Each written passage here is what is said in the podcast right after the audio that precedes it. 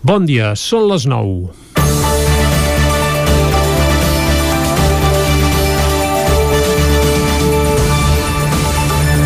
Aquest passat cap de setmana ha sigut el primer amb llibertat de moviments a tot el territori català. També ha estat el primer des de Reis en què els comerços no essencials han obert en dissabte.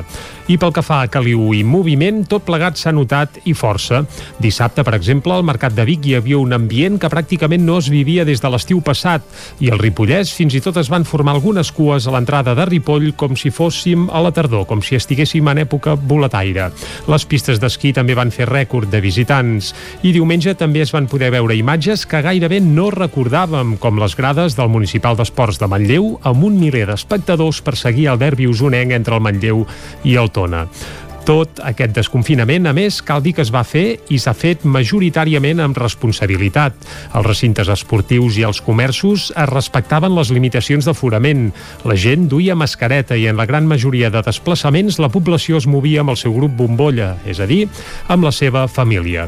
Potser és que entre tots n'hem après de Nadal, però també cal denunciar que hi ha una petita minoria que no va respectar les normes. En algun camp de futbol s'hi va consumir alcohol, en algun poble poble es va veure alguna família trobant-se casualment amb uns amics per compartir cap de setmana i en algun comerç només calia fer-hi un cop d'ull per comprovar que a l'interior s'estava bastant per sobre del 30% de l'aforament. Aquestes accions, minoritàries, són especialment reprovables, ja que ens podrien acabar tocant a tots. S'acosta Setmana Santa i és evident que la mobilitat seguirà i fins i tot s'accentuarà. I si no es fa amb respecte i seny, és possible que quan sortim de Setmana Santa fem processó no cap a la fi del coronavirus, sinó cap a un nou confinament més dur. Les dades d'aquests darrers dies no són positives i la millora s'ha estancat. A més, la vacunació continua anant a pas de tortuga i no serà fins demà dimecres que es permetrà vacunar de nou amb AstraZeneca a tot l'Estat. Ara sí, per cert, fins als 65 anys. Aquesta decisió, que molts països europeus ja van prendre la setmana passada un cop l'Agència Europea del Medicament hi va donar el vistiplau, a l'estat espanyol es va ajornar ja que es veu que divendres a Madrid era festiu, Sant Josep, i el comitè no va poder o no es va voler reunir-se. Ja se sap, a Madrid les prioritats estan clares. Primer, la devoció, la festa. Després, l'obligació. Ara que arriba Setmana Santa, doncs, ja cal que Déu ens agafi confessats i que creuem els dits. Tant de bo aquestes minoritàries accions incíviques que s'han pogut veure aquests dies i la incompetència d'alguns dirigents no ens facin recular en l'aixecament de restriccions, perquè el cert és que hi ha una gran majoria de gent que fa bondat i que ja n'està una mica farta del Via Crucis de la Covid. Comença Territori 17 a la sintonia del 9 FM, la veu de Sant Joan, Ràdio Cardedeu, Ona Codinenca i el Nou TV. Territori 17, amb Vicenç Vigues i Jordi Sunyer.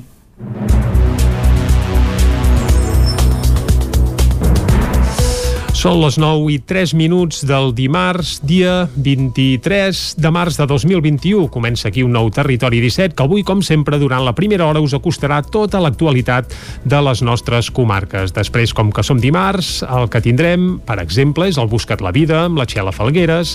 Avui també parlarem d'economia amb en Joan Carles Arredondo. Parlarem també del Mercat del Ram amb el gerent de Fires i Mercats, el Bernat Vilaresau. I avui acabarem parlant de medi ambient amb els companys del Centre d'Estudis dels Rius Mediterranis. Ens acompanyarà el seu coordinador, Marc Ordeig. Tot això i moltes coses més les farem des d'ara mateix i fins al punt de les 12 del migdia. I com sempre el que toca ara és arrencar tot fent un repàs a l'actualitat de les nostres comarques, les comarques del Ripollès, Osona, el Moianès i el Vallès Oriental.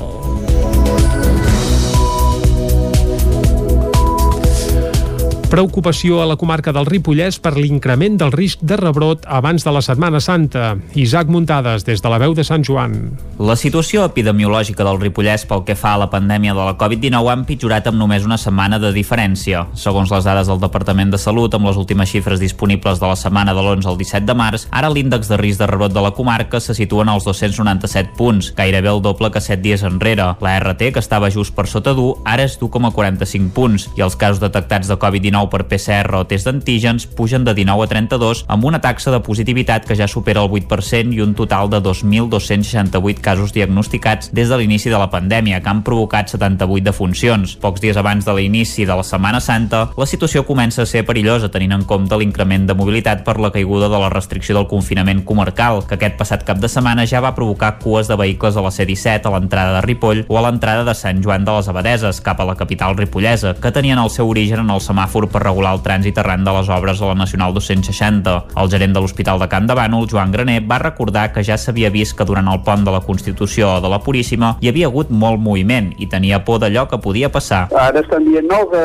només que no, només bombolles, no sé, la gent no entén què, què vol dir bombolles i jo crec que jo ho estic dient, però a Setmana Santa estan dient que les places hoteleres comencen a emplenar-se, el turisme rural també s'emplenaran, i no crec que siguin de la mateixa bombolla. Hi haurà contacte entre diferents bombolles i, bueno, veurem, eh? perquè a més no vindran de zones que les dades epidemiològiques estiguin correctes, no vindrà gent que estigui vacunada. I a Setmana Santa, doncs el dia 5 s'acaba, és dilluns de Pasqua, doncs valorarem a partir del dia 15 d'abril, que és al cap de 10 dies, a veure si les xifres epidemiològiques de la comarca del Ripollès comencen a desbarar-se. Jo no estic gens tranquil. En canvi, Graner va anunciar que un 88% dels 250 treballadors del centre hospitalari ja estan vacunats de les dues dosis i que des que se'ls va administrar el vaccí no han tingut cap professional de baixa per coronavirus. Actualment al Ripollès hi ha 2.491 persones vacunades amb la primera dosi de la vacuna, gairebé un 10% de la població de la comarca i 1.256 persones que ja han completat la pauta de vacunació, que equival al 5% dels ripollesos. Pel que fa a la situació de l'hospital, actualment hi ha 12 pacients ingressats, dels quals 5 estan a l'àrea d'aguts amb la malaltia activa i 7 a la de sociosanitari, recuperant-se dels estralls de la Covid-19. El centre segueix sense cap professional sanitari positiu i ja ha donat un total de 257 altes. L'Hospital de la Santa Creu de Vic incorpora una dieta específica per a pacients amb Covid-19. Entre els símptomes més habituals de la Covid-19 hi ha febre, tos i cansament, però sovint la malaltia també provoca diarrea, de, diarrea i la pèrdua del gust, l'olfacte i les ganes de menjar. Això representa un risc nutricional que pot agreujar el pronòstic dels pacients, sobretot si es tracta de col·lectius vulnerables com gent gran o persones que conviuen amb patologies cròniques. A fi d'evitar aquesta situació i propiciar la recuperació dels malalts, l'Hospital Universitari de la Santa Creu de Vic compta amb un menú específic que no és que augmenti la quantitat de menjar, sinó la densitat calòrica i proteica dels animals que ingereixen els pacients hospitalitzats amb coronavirus. Segons expliquen des del centre, això es concreta en una dieta de fàcil masticació i fraccionada en cinc àpats. Els primers plats, que acostumen a ser crema, sopes i arròs caldós, s'enriqueixen en proteics naturals com l'ou, el pernil o el formatge, mentre que els segons solen ser de peix o de carn de textura tova. El berenar i el ressupó estan compostos per un làctic. A banda del menú en si, els pacients també reben una targeta informativa on se'ls recomana començar pel segon, si no tenen gana, o que masteguin bé i a poc a poc. Paral·lelament, els professionals valoren de manera personalitzada si cal afegir algun suplement a la dieta. Lluís Solà presenta demà dimecres a Vic el nou llibre de Quim Torra. El president serà demà a la capital usonenca per presentar les hores greus dietari de Canonges, on explica el període de lluita que li va tocar viure contra la pandèmia mentre estava confinat sol a la casa dels Canonges durant la seva presidència. Torra estarà acompanyat de Lluís Solà. La presentació tindrà lloc a dos quarts de vuit del vespre al Sucre en un acte organitzat per Òmnium Cultural i Muntanya de Llibres. El proper dimarts, dia 6 d'abril, el Nou TV estrena un nou magazín d'actualitat en directe. En tornant de Setmana Santa, el Nou TV posarà en marxa una nova programació més ambiciosa i en la qual primaran més els directes.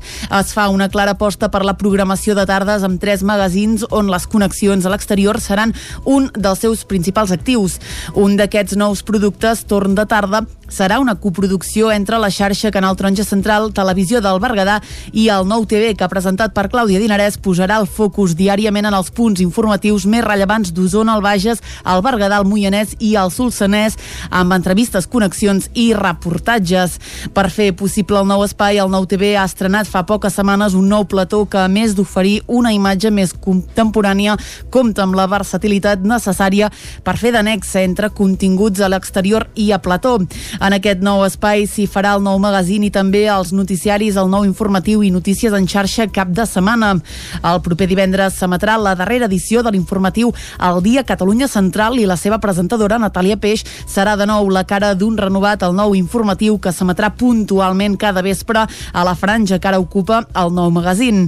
El torn de tarda s'emetrà cada dia a dos quarts de set, just després de fet a mida la nova proposta de la xarxa que es farà cada dia a partir de dos quarts de cinc de la tarda i del Connecticut, que a partir del 6 d'abril presentarà una profunda renovació per tancar la tarda entre les 7 i les 8. El nou TV també està treballant en la tercera temporada de Des del Campanar, que s'estrenarà en els propers mesos.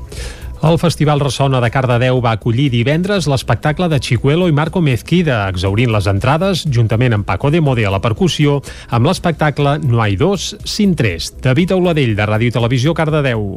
La guitarra flamenca de Juan Gómez Chicuelo i el piano de Marco Mezquida exaurien les entrades pel seu concert dins el Festival Ressona de Cardedeu. Els dos músics presentaven No hay dos sin tres, el seu segon disc, on els acompanya el Paco de Mode a la percussió i les veus. Juan Gómez Chicuelo, guitarrista. Paco de Mode, un percusionista increíble de, de, de, de, lo bien que toca, de lo buen compañero que es, de lo buen músico que es. Es un encanto trabajar con él, ya lo venía haciendo anteriormente. Y con Marco, ¿qué te cuento? Marco es un todoterreno, es un, un pianista genial en todo lo que toca, en todo lo que pone su mano y, y como compañero es aún mejor todavía como, que como músico, que es mucho decir. La seva música va fer posada en peus més d'una ocasió al públic. Els artistes van oferir temes dels seus dos discs i alguna composició més, com una versió de la Santa Espina.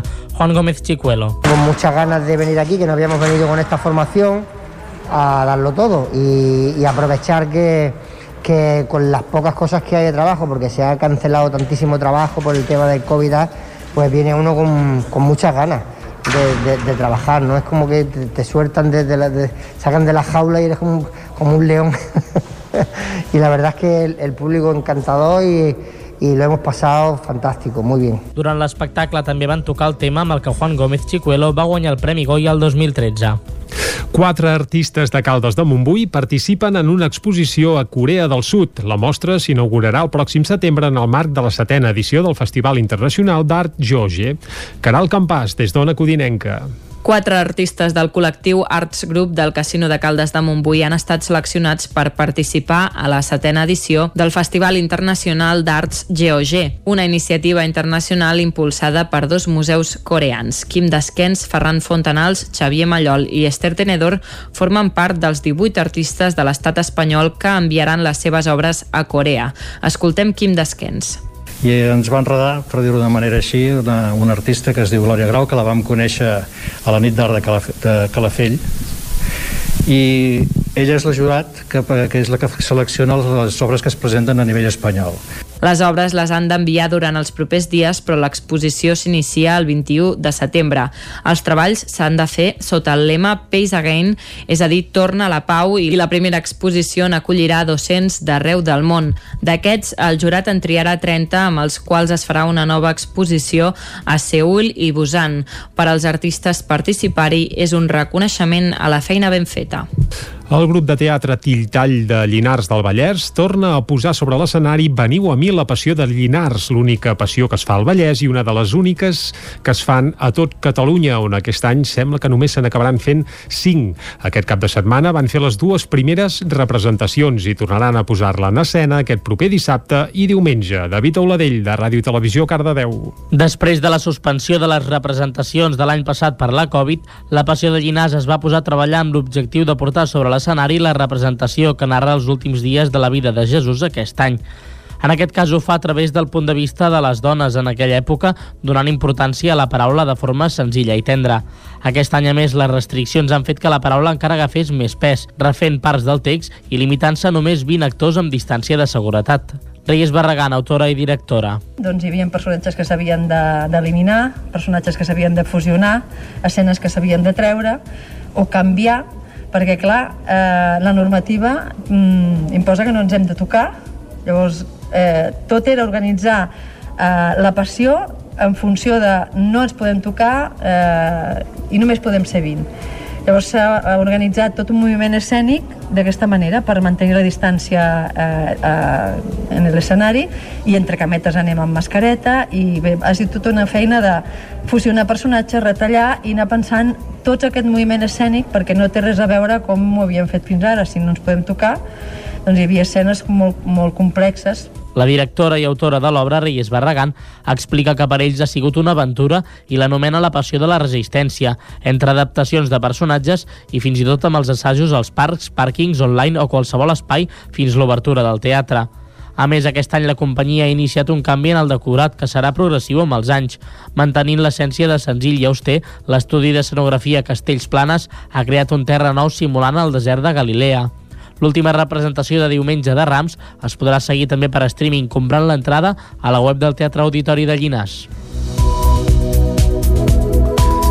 I fins aquí el butlletí informatiu que us hem ofert amb les veus de Clàudia Dinarès, David Auladell, Caral Campàs i Isaac Muntades. Ara el que toca, com sempre, és fer un cop d'ull al temps.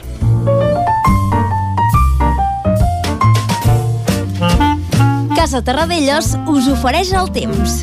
I a Territori 17, com sempre, qui ens acosta el temps és en Pep Acosta, qui ja saludem. Pep, molt bon dia.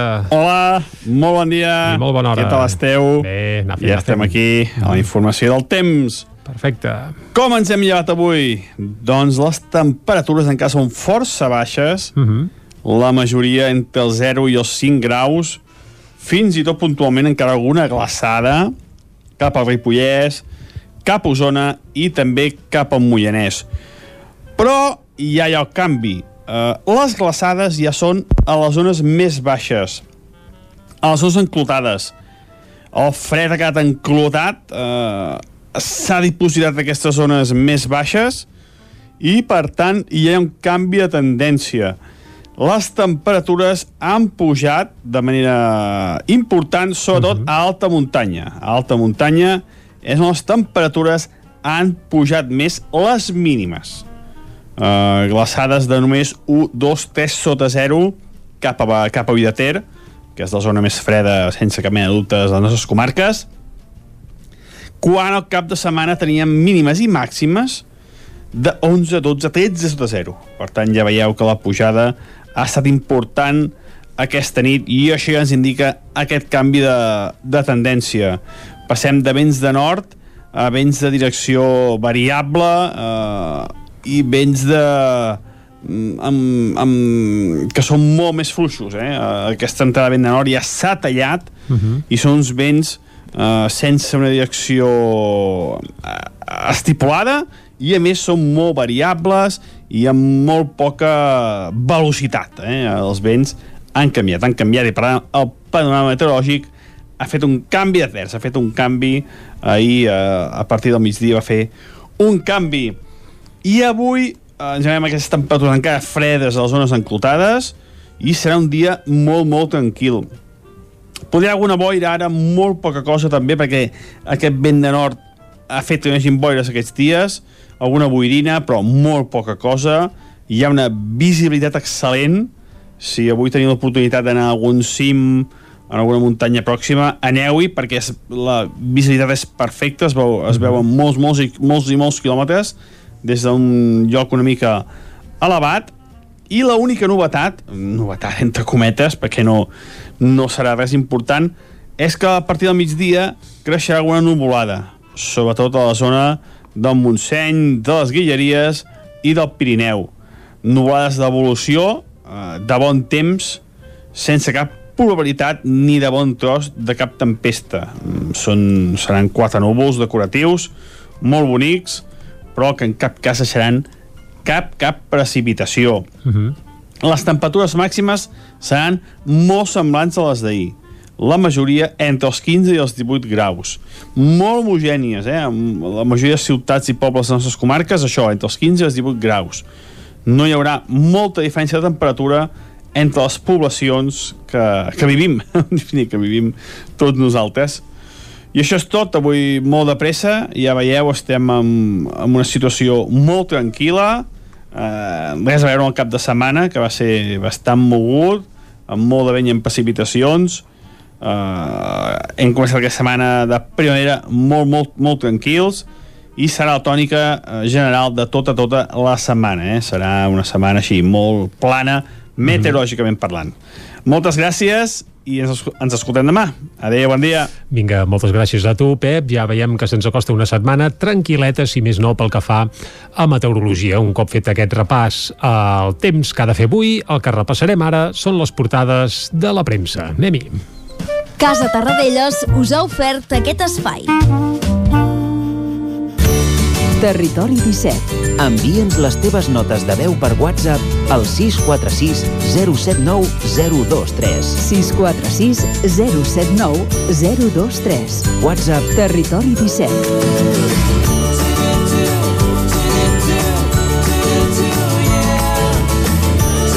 Territori 17. Som a Facebook, Twitter i Instagram amb l'usuari Territori 17.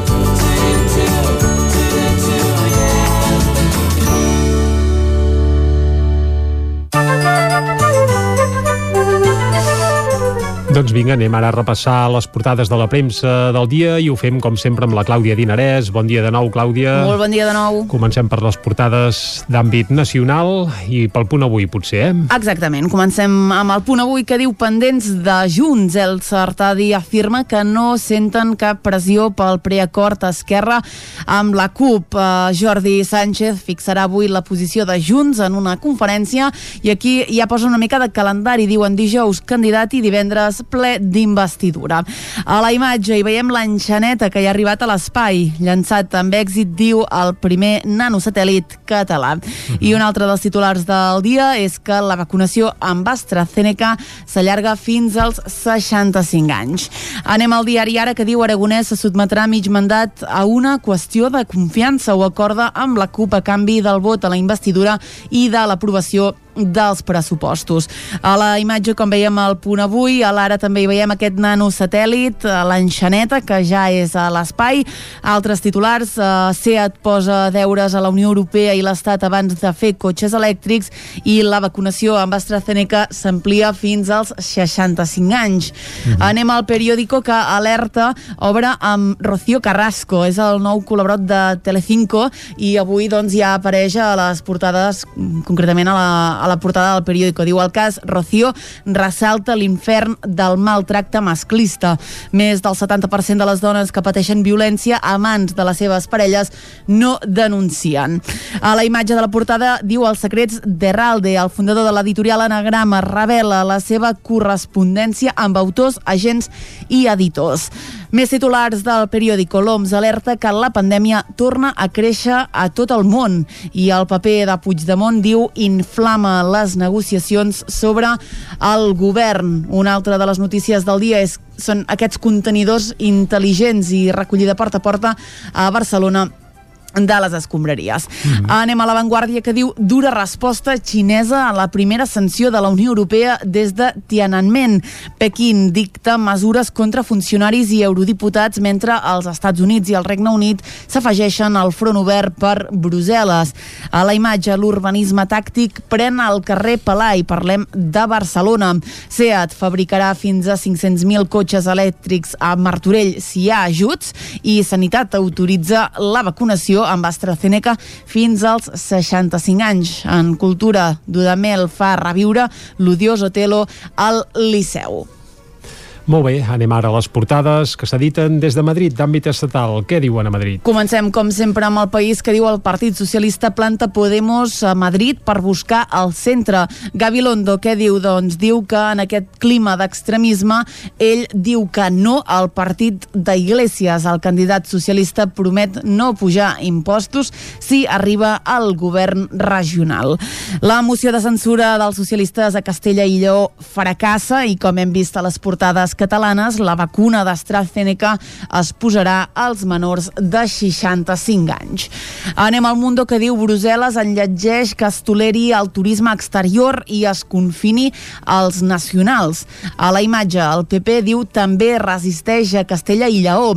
Sánchez intenta salvar Ciutadans després de fracassar la seva operació contra el Partit Popular. I avui el Mundo també parla de Puigdemont, que diu eh, demana controlar el procés des de Waterloo per investir a Pere Aragonès.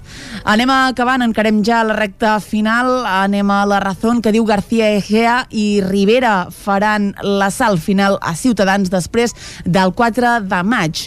El pla encapçalat per Herbies passa per tenir càrrecs locals i també càrrecs provincials. Sanitat, com ja hem vist, amplia la vacunació d'AstraZeneca eh, fins als 65 anys i alerta perquè aquí hi ha un titular que parla de la CUP que diu que es garantitza poder derrocar Pere Aragonès d'aquí a dos anys.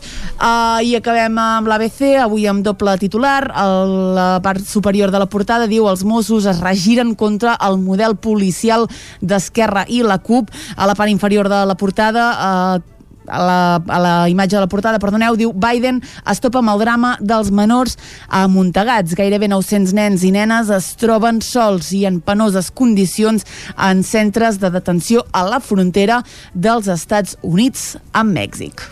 Molt bé, doncs Clàudia, moltes gràcies pel repàs a les portades de la premsa d'avui, unes portades on destaca sobretot la decisió que va prendre ahir el govern espanyol d'ampliar fins als 65 anys doncs, la gent que pot rebre la vacuna d'AstraZeneca. Per cert, una vacuna que es tornarà a administrar doncs, a partir de demà mateix i com dèiem bé a l'editorial d'avui de Territori 17, cal dir que la decisió a molts països europeus on també tenien aturada aquesta vacunació amb la vacuna d'AstraZeneca doncs això, a França, a Alemanya i d'altres països europeus ja es va reprendre aquesta vacunació la setmana passada. A l'estat espanyol ha calgut esperar fins a demà perquè resulta que la decisió s'havia de prendre divendres, però com que era festiu a alguns indrets eh, de l'estat, en aquest cas a Madrid, doncs es va ajornar tot plegat fins a demà. Així anem. Uh, abans d'acabar, uh, re, un parell de punts de la premsa esportiva. Per exemple, l'Esport avui titula Compte enrere amb una fotografia de Messi que diu que amb 100 dies ha de decidir si es queda al Barça o se'n va. Uh, esperem que es quedi. L'esportiu també titulen Tot i bé, amb una portada on apunta encara Messi sí que està content i que sembla que tot faria pensar que es quedarà al Barça. I al Mundo Deportivo el protagonista també és Messi. 100 gols, diu, uh, que és la xifra que ha fet uh, bé, que porta... Uh, no, 100 gols és la xifra que porta el Barça, fets per 19 jugadors diferents en el que portem de temporada. Tanquem aquí el repàs a la premsa d'avui. Tornem de seguida aquí a Territori 17. 9 FM, la ràdio de casa, al 92.8 biguetans i gent dels voltants, Mercat del Ram, pandèmia. Ho veieu que no funciona? No ens podem permetre aquelles aglomeracions per anar a veure l'últim model de cossechadora. Però, en canvi, podràs gaudir de diferents activitats culturals com ara circ al passeig Pep Ventura. Mercat del Ram, 26, 27 i 28 de març. Per a més informació, descarrega't l'app del Mercat i consulta les activitats i els horaris. Pepeta Vilaró, menjar a domicili per a gent gran. Menús saludables i adaptats segons les seves necessitats. Per viure més temps a casa amb millors salut i qualitat de vida. Informa-te'n al 931 31 71 81 o a papetavilaró.cat. Papeta Vilaró, la salut i el benestar dels nostres avis comença per cuidar el que mengen. Són temps de reptes. A la Fogonera n'hem aconseguit tres. Servir arrossos d'estrella per emportar i a un preu de justícia. Aquest hivern tenim l'arròs de calçots amb tempura. La Fogonera, la rosseria de paelles per emportar a GURB i que també et portem a casa. Telèfon 93 851 55 75 i a lafogonera.cat. I quan cau la nit, Pupurri Culinari, solucions per sopar les nits de divendres i dissabte. Entra a pupurriculinari.cat i tria.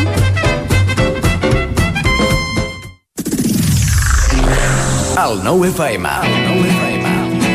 Estudi fotogràfic. Nosaltres et lloguem el plató amb tot tipus de decorats i tu fas les fotos per només 18 euros l'hora. Per comunions, aniversaris, bucs, embarassades, nounats, suport rotatiu per fer vídeos de TikTok i molt més. Per Sant Valentí regala un val per només 18 euros i tindràs un bon record fotogràfic. Ens trobaràs al carrer de Sant Tomàs 4 de Call d'Atenes al telèfon 640 56 0310 i també a Instagram i a Facebook. Cobertes serveis funeraris. Els nostres tanatoris estan ubicats en els nuclis urbans més poblats de la comarca d'Osona per oferir un millor servei. Tanatori de Vic, Tanatori de Manlleu, Tanatori de Centelles i Tanatori de Roda de Ter. Sabem que són moments difícils i per això el nostre compromís és atendre-us en tot moment amb un tracte humà, sensible i respectuós. Cobertes serveis funeraris. Telèfon 24 hores 93 883 23 46. Can Xalant, moda i complements. Més que rebaixes, nova secció tot a 10 euros. Moda home-dona, nen-nena, sabates, bosses de mà, maletes, complements i molt més. Sí, ho has sentit bé, tot a 10 euros.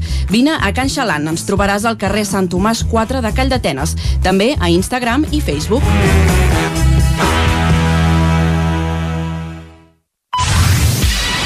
FM, el nou FM, el nou FM, el nou FM. Territori 17, amb Vicenç Vigues i Jordi Sunyer. Dos quarts de deu en punt d'avui, dimarts, dia 23 de març de 2021. Seguim en directe aquí a Territori 17 i de seguida us acostarem de nou tota l'actualitat de les nostres comarques. Després, avui, com que som dimarts, tindrem això, les visites habituals dels dimarts aquí a Territori 17. Ens acompanyarà la Txela Falgueres amb el Buscat la Vida. Conversarem també amb en Joan Carles Arredondo, que ens acostarà alguna actualitat econòmica aquí a Territori 17. I acabarem avui parlant de medi ambient amb els companys del Centre d'Estudis dels Rius Mediterranis, concretament amb el seu coordinador Marc Ordeig. Pla- Parlarem, sobretot, de la plataforma per una plana viva que es va constituir fa uns quants dies ja aquí a la plana de Vic. De tot això en parlarem a la part final d'un programa que ara segueix acostant-vos de nou tota l'actualitat de les nostres comarques, les comarques del Ripollès, Osona, el Moianès i el Vallès Oriental.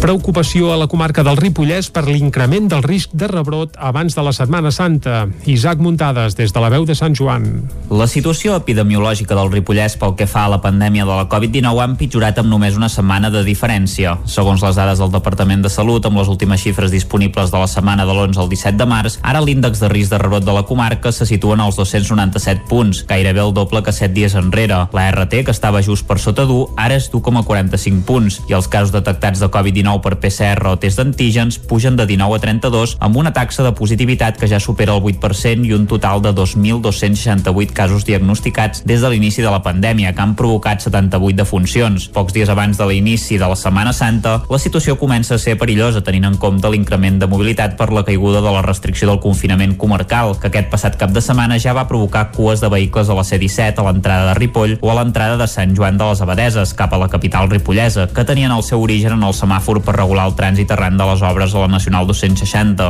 El gerent de l'Hospital de Camp de Bànol, Joan Graner, va recordar que ja s'havia vist que durant el pont de la Constitució o de la Puríssima hi havia hagut molt moviment i tenia por d'allò que podia passar. Ara estan dient, no, que només que no, només bombolles, no sé, la gent no entén què, què vol dir bombolles, i jo crec que jo ho estic dient, però Setmana Santa estan dient que les places hoteleres comencen a emplenar-se, el turisme rural també s'emplenaran, i no crec que siguin de la mateixa bombolla. Hi haurà contacte entre diferents bombolles i, bueno, veurem, eh? perquè a més no vindran de zones que les dades epidemiològiques estiguin correctes, no vindrà gent que estigui vacunada. I a Setmana Santa, doncs el dia 5 s'acaba, és dilluns de Pasqua, doncs valorarem a partir del dia 15 d'abril, que és al cap de 10 dies, a veure si les xifres epidemiològiques de la comarca del Ripollès comencen a desbarar-se. Jo no estic gens tranquil. En canvi, Graner va anunciar que un 88% dels 250 treballadors del centre hospitalari ja estan vacunats de les dues dosis i que des que se'ls va administrar el vaccí no han tingut cap professional de baixa per coronavirus. Actualment al Ripollès hi ha 2.491 persones vacunades amb la primera dosi de la vacuna, gairebé un 10% de la població de la comarca i 1.256 persones que ja han completat la pauta de vacunació, que equival al 5% dels ripollesos. Pel que fa a la situació de l'hospital, actualment hi ha 12 pacients ingressats, dels quals 5 estan a l'àrea d'aguts amb la malaltia activa i 7 a la de sociosanitari, recuperant-se dels estralls de la Covid-19. El centre segueix sense cap professional sanitari positiu i ja ha donat un total de 257 altes. L'Hospital de la Santa Creu de Vic incorpora una dieta específica per a pacients amb Covid-19. Entre els símptomes més habituals de la Covid-19 hi ha febre, tos i cansament, però sovint la malaltia també provoca diarrea de diarrea i la pèrdua del gust, l'olfacte i les ganes de menjar. Això representa un risc nutricional que pot agreujar el pronòstic dels pacients, sobretot si es tracta de col·lectius vulnerables com gent gran o persones que conviuen amb patologies cròniques. A fi d'evitar aquesta situació i propiciar la recuperació dels malalts, l'Hospital Universitari de la Santa Creu de Vic compta amb un menú específic que no és que augmenti la quantitat de menjar, sinó la densitat calòrica i proteica dels animals que ingereixen els pacients hospitalitzats amb coronavirus. Segons expliquen des del centre, això es concreta en una dieta de fàcil masticació i fraccionada en cinc àpats. Els primers plats, que acostumen a ser crema, sopes i arròs caldós, s'enriqueixen en proteics naturals com l'ou, el pernil o el formatge, mentre que els segons solen ser de peix o de carn de textura tova. El berenar i el ressupó estan compostos per un làctic. A banda del menú en si, els pacients també reben una targeta informativa on se'ls recomana començar pel segon, si no tenen gana, o que masteguin bé i a poc a poc. Paral·lelament, els professionals valoren de manera personalitzada si cal afegir algun suplement a la dieta.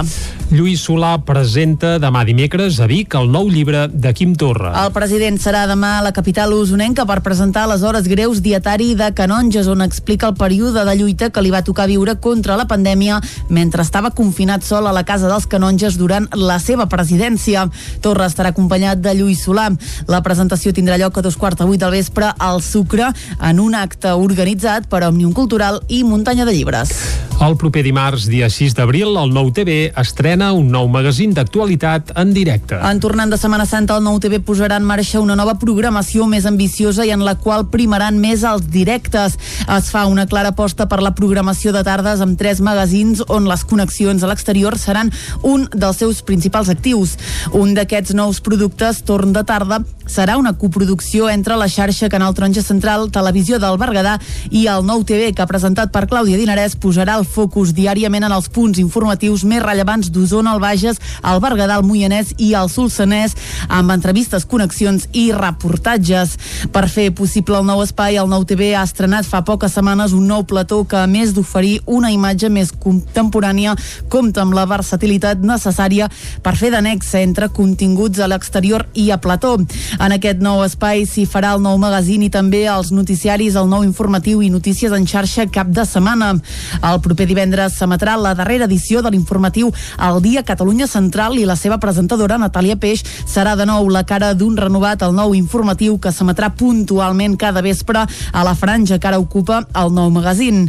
El torn de tarda s'emetrà cada dia a dos quarts de set, just després de Fet a Mida, la nova proposta de la xarxa que es farà cada dia a partir de dos quarts de cinc de la tarda i del Connecticut, que a partir del 6 d'abril presentarà una profunda renovació per tancar la tarda entre les 7 i les 8. El nou TV també està treballant en la tercera temporada de Des del Campanar, que s'estrenarà en els propers mesos. El Festival Ressona de Cardedeu va acollir divendres l'espectacle de Chicuelo i Marco Mezquida, exaurint les entrades, juntament amb Paco de Mode a la percussió, amb l'espectacle No hay dos sin tres. David Auladell, de Ràdio i Televisió, Cardedeu. La guitarra flamenca de Juan Gómez Chicuelo i el piano de Marco Mezquida exaurien les entrades pel seu concert dins el Festival Ressona de Cardedeu. Els dos músics presentaven No hay dos sin tres, el seu segon disc, on els acompanya el Paco de Mode a la percussió i les veus. Juan Gómez Chicuelo, guitarrista. Paco de Mode, un percusionista increíble de, de, de, de, lo bien que toca, de lo buen compañero que es, de lo buen músico que es. Es un encanto trabajar con él, ya lo venía haciendo anteriormente. Y con Marco, ¿qué te cuento? Marco es un todoterreno, es un, un pianista genial en todo lo que toca, en todo lo que pone su mano y, y como compañero es aún mejor todavía como, que como músico, que es mucho decir. La seva música va fer posar en peus més d'una ocasió al públic. Els artistes van oferir temes dels seus dos discs i alguna composició més, com una versió de la Santa Espina. Juan Gómez Chicuelo. Con muchas ganas de venir aquí, que no habíamos venido con esta formación a darlo todo y, aprovechar que, que con las pocas cosas que hay de trabajo, porque se ha cancelado tantísimo trabajo por el tema del COVID, pues viene uno con, con muchas ganas. De, de, de, trabajar, ¿no? Es como que te, sueltan desde la, de, sacan de la jaula y eres como, como un león. y la verdad es que el público encantador y, y lo hemos pasado fantástico, muy bien. Durant l'espectacle també van tocar el tema amb el que Juan Gómez Chicuelo va guanyar el Premi Goya el 2013. Quatre artistes de Caldes de Montbui participen en una exposició a Corea del Sud. La mostra s'inaugurarà el pròxim setembre en el marc de la setena edició del Festival Internacional d'Art Joge. Caral Campàs, des d'Ona Codinenca. Quatre artistes del col·lectiu Arts Group del Casino de Caldes de Montbui han estat seleccionats per participar a la setena edició del Festival Internacional d'Arts GOG, una iniciativa internacional impulsada per dos museus coreans. Kim Daskens, Ferran Fontanals, Xavier Mallol i Esther Tenedor formen part dels 18 artistes de l'estat espanyol que enviaran les seves obres a Corea. Escoltem Kim Daskens. I ens va enredar, per dir-ho d'una manera així, una, una artista que es diu Glòria Grau, que la vam conèixer a la nit d'art de, Calaf de Calafell, i ella és la jurat que, que és la que selecciona les obres que es presenten a nivell espanyol. Les obres les han d'enviar durant els propers dies, però l'exposició s'inicia el 21 de setembre. Els treballs s'han de fer sota el lema Pace Again, és a dir, torna a la pau, i la primera exposició n'acollirà 200 d'arreu del món. D'aquests, el jurat en triarà 30, amb els quals es farà una nova exposició a Seul i Busan. Per als artistes participar-hi és un reconeixement a la feina ben feta. El grup de teatre Tilltall de Llinars del Vallès torna a posar sobre l'escenari Veniu a mi la passió de Llinars, l'única passió que es fa al Vallès i una de les úniques que es fan a tot Catalunya, on aquest any sembla que només se n'acabaran fent 5. Aquest cap de setmana van fer les dues primeres representacions i tornaran a posar-la en escena aquest proper dissabte i diumenge. David Auladell, de Ràdio i Televisió, Cardedeu. Després de la suspensió de les representacions de l'any passat per la Covid, la Passió de Llinars es va posar a treballar amb l'objectiu de portar sobre l'escenari la representació que narra els últims dies de la vida de Jesús aquest any. En aquest cas ho fa a través del punt de vista de les dones en aquella època, donant importància a la paraula de forma senzilla i tendra. Aquest any, a més, les restriccions han fet que la paraula encara agafés més pes, refent parts del text i limitant-se només 20 actors amb distància de seguretat. Reyes Barragán, autora i directora. Doncs hi havia personatges que s'havien d'eliminar, de, personatges que s'havien de fusionar, escenes que s'havien de treure o canviar, perquè clar, eh, la normativa mm, imposa que no ens hem de tocar, llavors eh, tot era organitzar eh, la passió en funció de no ens podem tocar eh, i només podem ser 20. Llavors s'ha organitzat tot un moviment escènic d'aquesta manera per mantenir la distància eh, eh, en l'escenari i entre cametes anem amb mascareta i bé, ha sigut tota una feina de fusionar personatges, retallar i anar pensant tot aquest moviment escènic perquè no té res a veure com ho havíem fet fins ara si no ens podem tocar doncs hi havia escenes molt, molt complexes la directora i autora de l'obra, Reyes Barragán, explica que per ells ha sigut una aventura i l'anomena la passió de la resistència, entre adaptacions de personatges i fins i tot amb els assajos als parcs, pàrquings, online o qualsevol espai fins l'obertura del teatre.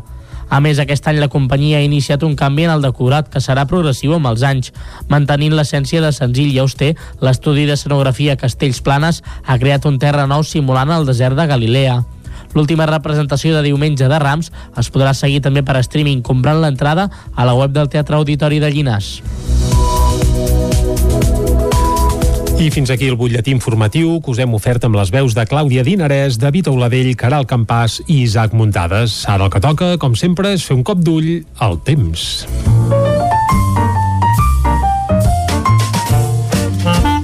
Casa Terradellos us ofereix el temps.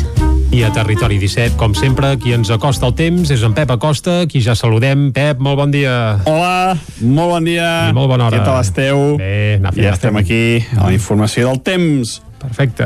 Com ens hem llevat avui? Doncs les temperatures encara són força baixes, uh -huh. la majoria entre el 0 i els 5 graus, fins i tot puntualment encara alguna glaçada, cap al Ripollès, cap a Osona i també cap al Moianès. Però ja hi ha el canvi. Uh, les glaçades ja són a les zones més baixes, a les zones enclotades.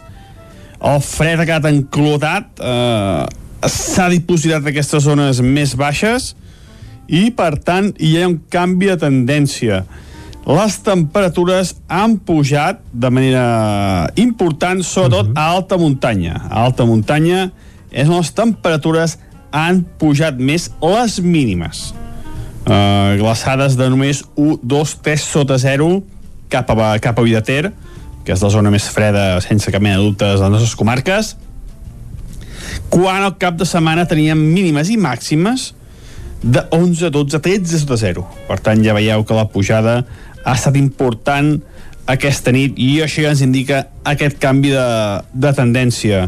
Passem de vents de nord a vents de direcció variable eh, i vents de mm, amb, amb, que són molt més fluixos eh?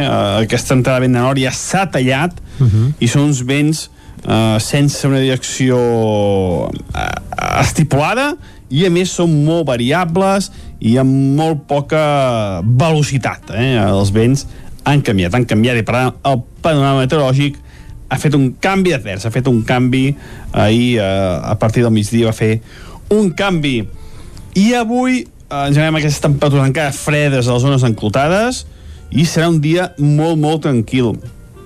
Podria alguna boira ara molt poca cosa també perquè aquest vent de nord ha fet que no hi hagi boires aquests dies alguna boirina però molt poca cosa. Hi ha una visibilitat excel·lent. Si avui teniu l'oportunitat d'anar a algun cim en alguna muntanya pròxima, aneu-hi perquè és, la visibilitat és perfecta, es, veu, es veuen molts, molts i, molts i molts quilòmetres des d'un lloc una mica elevat i la única novetat, novetat entre cometes, perquè no, no serà res important, és que a partir del migdia creixerà alguna nuvolada, sobretot a la zona del Montseny, de les Guilleries i del Pirineu. Nuvolades d'evolució, eh, de bon temps, sense cap probabilitat ni de bon tros de cap tempesta. Mm, són, seran quatre núvols decoratius, molt bonics, però que en cap cas seran cap, cap precipitació. Uh -huh. Les temperatures màximes seran molt semblants a les d'ahir. La majoria entre els 15 i els 18 graus. Molt homogènies, eh? La majoria de ciutats i pobles de les nostres comarques, això, entre els 15 i els 18 graus. No hi haurà molta diferència de temperatura entre les poblacions que, que vivim, que vivim tots nosaltres. I això és tot, avui molt de pressa, ja veieu, estem en, en una situació molt tranquil·la, eh, res a veure amb el cap de setmana, que va ser bastant mogut, amb molt de vent i amb precipitacions, eh, hem començat aquesta setmana de primavera molt, molt, molt tranquils, i serà la tònica eh, general de tota, tota la setmana, eh? serà una setmana així molt plana, meteorològicament parlant. Moltes gràcies i ens, ens escoltem demà. Adéu, bon dia. Vinga, moltes gràcies a tu, Pep. Ja veiem que se'ns acosta una setmana tranquil·leta, si més no, pel que fa a meteorologia. Un cop fet aquest repàs al temps que ha de fer avui, el que repassarem ara són les portades de la premsa. Anem-hi. Casa Tarradellas us ha ofert aquest espai. Territori 17. Envia'ns les teves notes de veu per WhatsApp al 646 079 023. 646 079 023. WhatsApp Territori 17.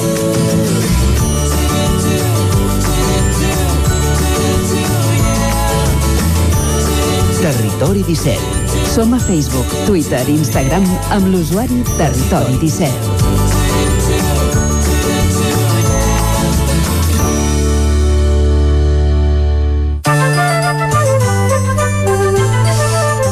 Doncs vinga, anem ara a repassar les portades de la premsa del dia i ho fem, com sempre, amb la Clàudia Dinarès. Bon dia de nou, Clàudia. Molt bon dia de nou. Comencem per les portades d'àmbit nacional i pel punt avui, potser, eh? Exactament. Comencem amb el punt avui que diu pendents de Junts. El Sartadi afirma que no senten cap pressió pel preacord Esquerra amb la CUP. Uh, Jordi Sánchez fixarà avui la posició de Junts en una conferència i aquí ja posa una mica de calendari. Diuen dijous candidat i divendres ple d'investidura. A la imatge hi veiem l'enxaneta que hi ha arribat a l'espai, llançat amb èxit, diu el primer nanosatèl·lit català.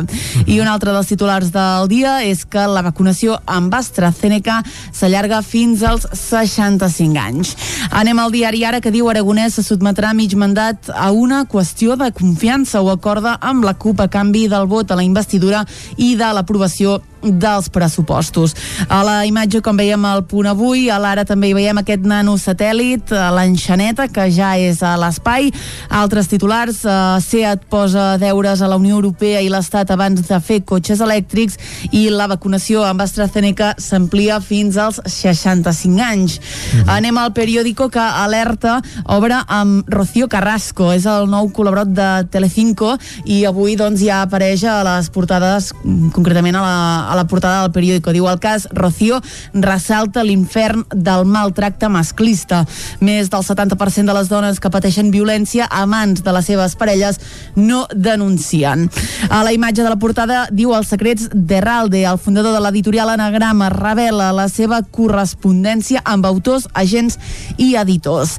Més titulars del periòdico l'OMS alerta que la pandèmia torna a créixer a tot el món i el paper de Puigdemont diu inflama les negociacions sobre el govern. Una altra de les notícies del dia és són aquests contenidors intel·ligents i recollida porta a porta a Barcelona de les escombraries. Mm -hmm. Anem a l'avantguàrdia que diu dura resposta xinesa a la primera sanció de la Unió Europea des de Tiananmen. Pequín dicta mesures contra funcionaris i eurodiputats mentre els Estats Units i el Regne Unit s'afegeixen al front obert per Brussel·les.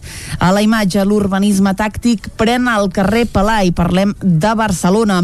SEAT fabricarà fins a 500.000 cotxes elèctrics a Martorell si hi ha ajuts i Sanitat autoritza la vacunació amb AstraZeneca fins als 65 anys. En cultura, Dudamel fa reviure l'odiós Otelo al Liceu.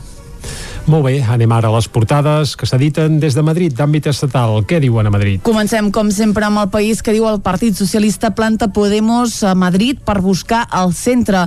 Gabilondo, què diu? Doncs diu que en aquest clima d'extremisme ell diu que no al partit d'Iglesias. El candidat socialista promet no pujar impostos si arriba al govern regional.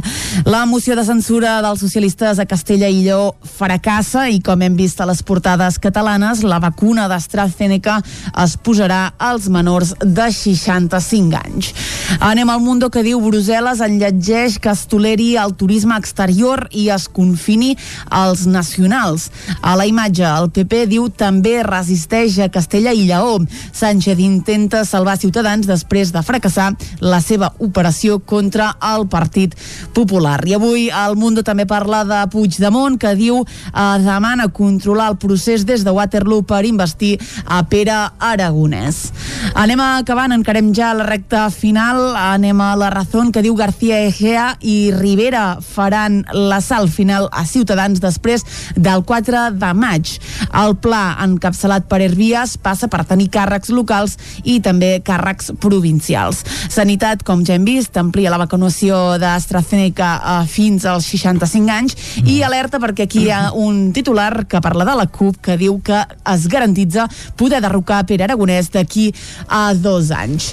Uh, I acabem amb l'ABC, avui amb doble titular. A la part superior de la portada diu els Mossos es regiren contra el model policial d'Esquerra i la CUP. A la part inferior de la portada uh, a la, a la imatge de la portada, perdoneu, diu Biden es topa amb el drama dels menors amuntegats. Gairebé 900 nens i nenes es troben sols i en penoses condicions en centres de detenció a la frontera dels Estats Units amb Mèxic.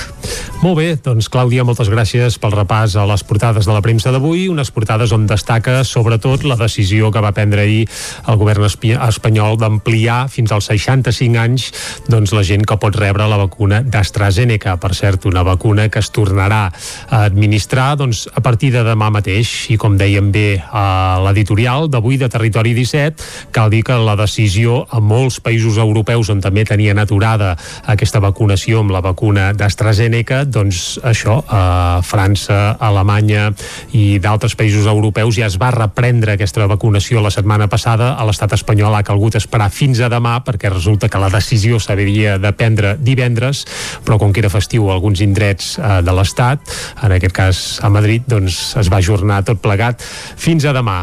Així anem. Uh, abans d'acabar, uh, re, un parell de punts de la premsa esportiva. Per exemple, l'Esport avui titula Compte enrere amb una fotografia de Messi que diu que amb 100 dies ha de decidir si es queda al Barça o se'n va. Uh, esperem que es quedi. L'Esportiu també titulen Tot i bé, amb una portada on apunta encara Messi sí que està content i que sembla que tot faria pensar que es quedarà al Barça i el Mundo Deportivo el protagonista també és Messi. 100 gols, diu uh, que és la xifra que ha fet uh, bé, que porta uh, no, 100 gols és la xifra que porta el Barça fets per 19 jugadors diferents en el que portem de temporada. Tanquem aquí el repàs a la premsa d'avui és que, és que en Messi en fa tants de gols que gairebé ens hi, ens hi perdem eh, a l'hora de, de, de parlar de les xifres. 100 gols en els que porta el Barça des que ha començat la temporada fets per 19 jugadors diferents una cosa que feia es veu que molt de temps que no passava, vaja, pràcticament ni es recorda. I evidentment com passa ja des de fa molts i molts anys la majoria d'aquests gols qui n'ha fet més és precisament Messi. Tanquem ara la pàgina esportiva però avui no del tot perquè el bloc musical també té un lligam esportiu i és que ahir l'Isaac Muntades ja ens va alertar que començava la volta ciclista a Catalunya, una volta que està d'aniversari perquè és la centena edició de la volta, que aviat és dit, 100 anys fent voltes a Catalunya en bicicleta, això són molts d'anys, i eh, cal dir que demà hi haurà una de les etapes reines d'aquesta volta i serà en final a l'estació d'esquí de Vallter 2000. Per tant, déu nhi la pedalada que hauran de fer els pobres ciclistes que facin l'etapa de demà perquè bé, des de Camprodon fins a dalt a Vallter hi ha una bona pujada i això serà el final d'etapa de demà. Però avui no parlarem de ciclisme, tot i que una mica sí, i és que el que volem és que escoltem tots plegats doncs, l'himne oficial de l'edició número 100 de la Volta Ciclista a Catalunya. I quin és l'himne oficial de la Volta Ciclista a Catalunya aquest any? Doncs resulta que és la cançó Eclipsi, una cançó de Blau Mut, aquella formació de pop-rock catalana coneguda sobretot per la seva presència de cordes, eh, bàsicament violoncel i violí, i bé, doncs la cançó Eclipsi, que s'ha escollit, s'ha triat com a himne oficial del centenari de la Volta Ciclista a Catalunya, no és una, no és una cançó que s'hagi fet expressament per a l'ocasió, però, però bé, hi va com anell del dit, eh? Els Blaumur, com que ja tenen aquella de bicicletes, també, doncs ja tot lliga, tot lliga, i el que han escollit és una peça del seu darrer disc, un disc que es titula 0001, uh, el títol és tot curiós, el disc ja el van editar fa gairebé un any i mig, i en aquest disc hi ha la peça Eclipsi, que és la que s'ha escollit eh, això com a cançó oficial del centenari de la Volta Ciclista a Catalunya. I aquesta cançó us la punxarem ara mateix i amb ella arribarem aquí a Territori 17 fins al punt de les 10 del matí. Recordant, això sí, que la Volta demà la tindrem eh, pasturant per Territori 17. Per tant, els amants del ciclisme, demà teniu una cita i si la voleu fer allò rodona, doncs la podeu fer escoltant aquest eclipsi de Blaumut, la cançó oficial, l'himne oficial de la Volta a Catalunya. Fins a les 10. Un eclipsi tan distant a la calma d'una tassa fumejant descrivia altres llocs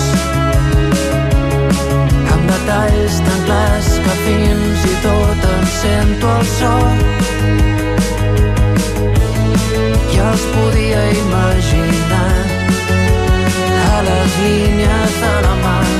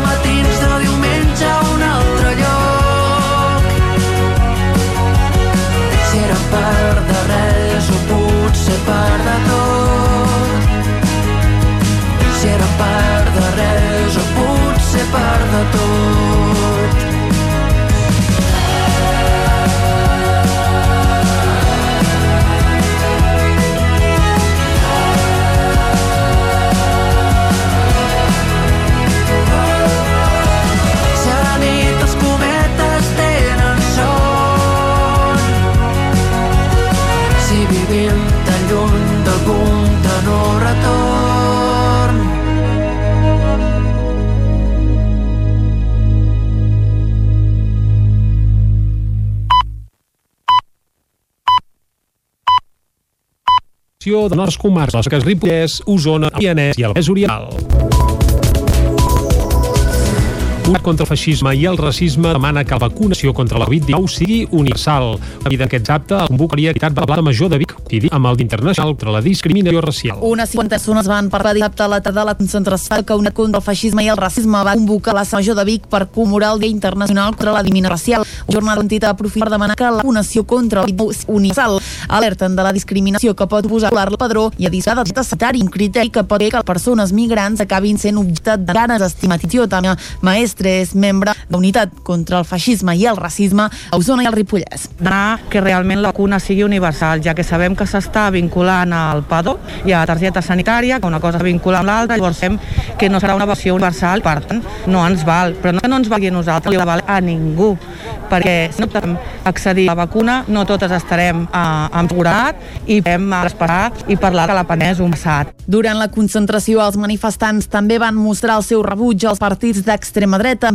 un fenomen a l'alça que preocupa l'entitat que l'associa a la crisi social i sanitària que s'ha derivat de la pandèmia però sóc molt conscient que, que això, que quan hi ha crisi i la crisi ens està afectant més a tot tipus de població, en aquest moment és quan aquest discurs de, de només per nosaltres i només cuidar-nos nosaltres és quan agafa m'empeta. Simultàniament, unes 25 persones van dur a terme la mateixa acció a la plaça de la Llibertat de Ripoll. I precisament a Ripoll s'ha viscut un cap de setmana d'incivisme amb l'aparició de moltes pintades arreu de la vila. Isaac Muntades, des de la veu de Sant Joan. Ripoll va viure un cap de setmana ple d'incivisme i durant les nits de divendres i dissabte es van fer múltiples pintades a comerços, entitats bancàries i façanes de la vila. L'Ajuntament de Ripoll va lamentar i condemnar aquestes pintades que van afectar botigues de roba o la seu del Banc Sabadell. Els autors de les pintades havien escrit les paraules Rònic i Geek en pintura verda i blava. El consistori ja va advertir que la policia local estava treballant per investigar els autors dels fets. La seu nacional del Partit Aliança Catalana, situada al carrer Donya Estàcia i fundat per la regidora no escrita a l'Ajuntament de Ripoll, Sílvia Oriols, també va ser atacada. Els fets haurien passat la matinada de divendres a dissabte i els incívics haurien escrit les paraules puta fora nazis i power judíos moro sudaca i catalans, als vidres del local del partit identitari. A més, van dibuixar-hi el símbol de les SS, una esbàstica i un parell de creus celtes. Els comptes d'Aliança Catalana a les xarxes socials van condemnar els atacs i Oriols va dir que el consistori consistori ripollès lamentava i condemnava les pintades fetes a establiments però callava davant les pintades amb insults i que anaven dirigides cap a un dels 17 regidors escollits democràticament a les urnes. Oriols va denunciar els fets el mateix dissabte a la comissaria dels Mossos d'Esquadra de Ripoll i va dir que sospitava que havia estat un membre de la comunitat islàmica de Ripoll o del casal popular La Metxa, que va descriure com a seguidors polítics de la CUP. Sospitava d'ells perquè deia que ja havia rebut una denúncia per part seva per un delicte d'odi i que aquests col·lectius l'havien acusat de ser feixista i d'ultradreta. La matinada de divendres, l'entrada lateral de l'església de Sant Josep Obrer de Ripoll també va patir alguns actes incívics. Aquest centre de culte està situat al carrer mossèn Agustí Sala i Pagès, just darrere del jutjat de primera instància de Ripoll i de la carretera Barcelona. L'església tenia tot de deixalles escampades davant la porta, com per exemple llaunes de cervesa, brics de suc, paquets de tabac i cigarretes, ampolles i gots de plàstic. Segons fonts de la parròquia, aquests fets ja s'han produït diverses vegades. A més, fa uns dies es van trobar un dels vitralls del recinte trencats, que es troba molt a prop de la porta. Quan es van adonar de la trencadissa, van denunciar els fets als Mossos i a la policia local. El Seminari de Vic impartirà dos nous cicles formatius. Es tracta de dos cicles formatius de grau superior que se sumaran als sis que ja s'impartien al centre. Tots dos estan molt relacionats amb l'activitat empresarial del mateix seminari, ja que se centraran en la dietètica i en la gestió d'allotjaments turístics, dos cursos que, segons el gerent del centre, tenen demanda i encaixen a la perfecció amb la línia que segueix el seminari. A més d'aquests dos nous cicles, des del seminari s'està treballant en tres noves propostes centrades centrades en assistència de, crea de direcció experiències de viatges i màrqueting i publicitat.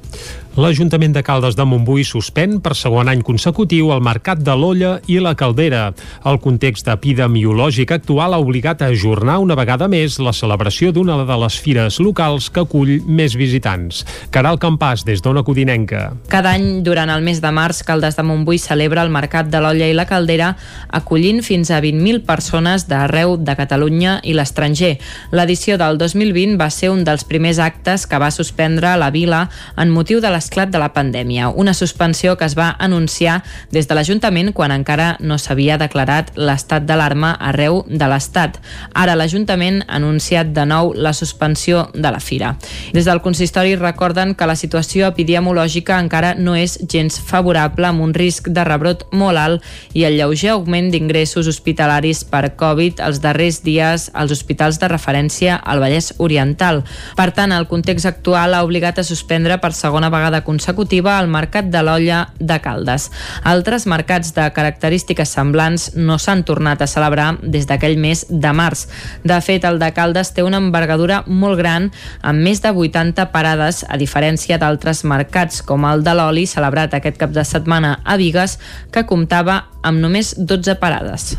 Clara Peia va portar divendres la gira del seu 11è treball Perifèria a l'Atlàntida de Vic. La pianista i compositora va omplir la sala Ramon Muntanyà fins al màxim de l'aforament permès amb les restriccions anticovid.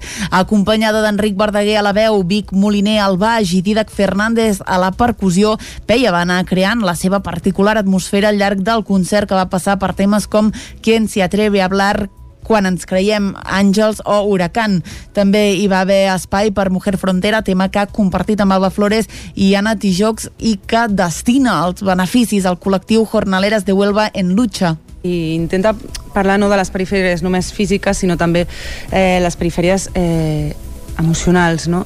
D'alguna manera intenta també mm, posar un altaveu o posar un foco a tots aquests espais eh, tan emocionals com físics que no el tenen. No? Estic molt contenta, en, ens hem disfrutat molt el bolo, és el que he dit, l'espai se sent superbé, eh, la gent estava entregada, estava tranquil·la i jo crec que s'han deixat portar pel, pel viatge musical, estic contenta. El concert de Clara Peia i dijous vinent l'actuació en streaming de Marala tanquen amb veu de dona l'itinerari en perspectiva de gènere amb sis propostes que l'Atlàntida ha programat des de mitjans de febrer i que ha atret a més de 2.000 espectadors. La façana de l'edifici s'ha il·luminat amb el color lila al llarg de les setmanes que ha durat aquesta primera experiència que des del complex cultural consideren que ha de tenir continuïtat.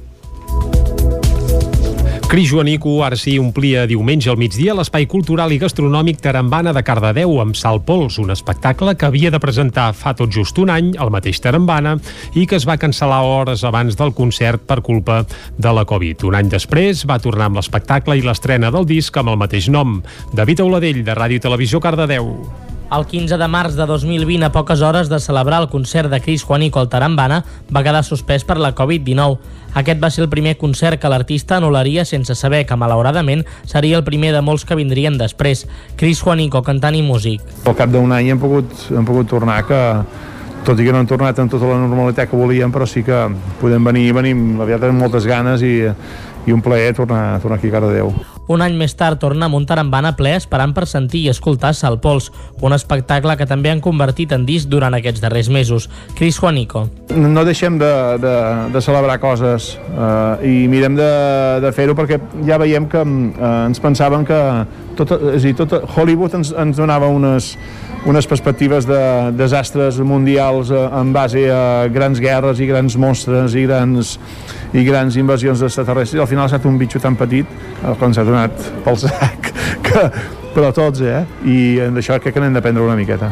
Cris Juanico, acompanyat per la Blanca Coll i en Joan Solà, van oferir un concert de Salpols, una proposta que planeja pels contorns de Menorca entre la sal del mar i la pols de la terra. Una proposta per un recorregut musical intimista que transcorre per la línia física que perfila el límit territorial de Menorca. Uh, per cert, que aquest dissabte Cris Joanico tornarà a ser a Territori 17, ja que tocarà a la sala modernista del Casino de Vic amb el mateix espectacle que va presentar a Cardedeu uh, en un concert que començarà a les 7 de la tarda. I fins aquí el butlletí informatiu de les 10 del matí que us hem ofert amb les veus de Clàudia Dinarès, David Auladell, Caral Campàs i Isaac Muntades. De seguida, ara el que farem és acostar-vos totes les novetats del Mercat del Ram de Vic, un Mercat del Ram que sí que arriba amb activitat presencial eh, aquest proper cap de setmana. En sabrem tots els detalls d'aquí mig minutet. Una pausa i tornem.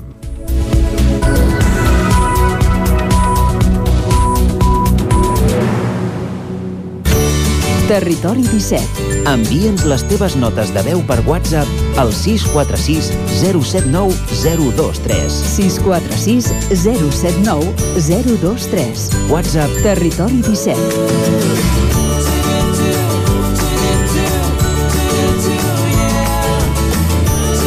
Territori 17. Som a Facebook, Twitter i Instagram amb l'usuari Territori 17.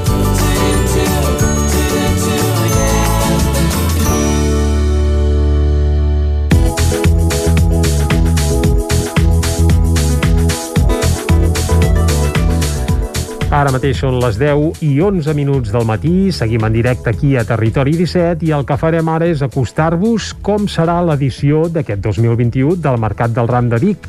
Recordem que l'any passat, per culpa de la pandèmia, no hi va haver Mercat del Ram, es van cancel·lar totes les activitats que hi havia previstes, però aquest any sí que fent un esforç, m'imagino que gegantí, s'han pogut programar activitats presencials i tot i que evidentment no es tractarà d'un mercat convencional, sí que hi haurà activitat al carrer, fins i tot bestiar i també moltes activitats complementàries com ja va sent habitual en la que es considera la festa major de primavera de tota la comarca d'Osona. Per conèixer tots els detalls d'aquest Mercat del Ram 2021, el que farem ara mateix és parlar-ne amb el gerent de l'organisme autònom de Fires i Mercats de l'Ajuntament de Vic, el Bernat Vilaresau, que ja el tenim aquí. Bernat, molt bon dia. Bon dia tindrem Mercat del Ram, eh, aquest any. Això està 100% confirmat, eh?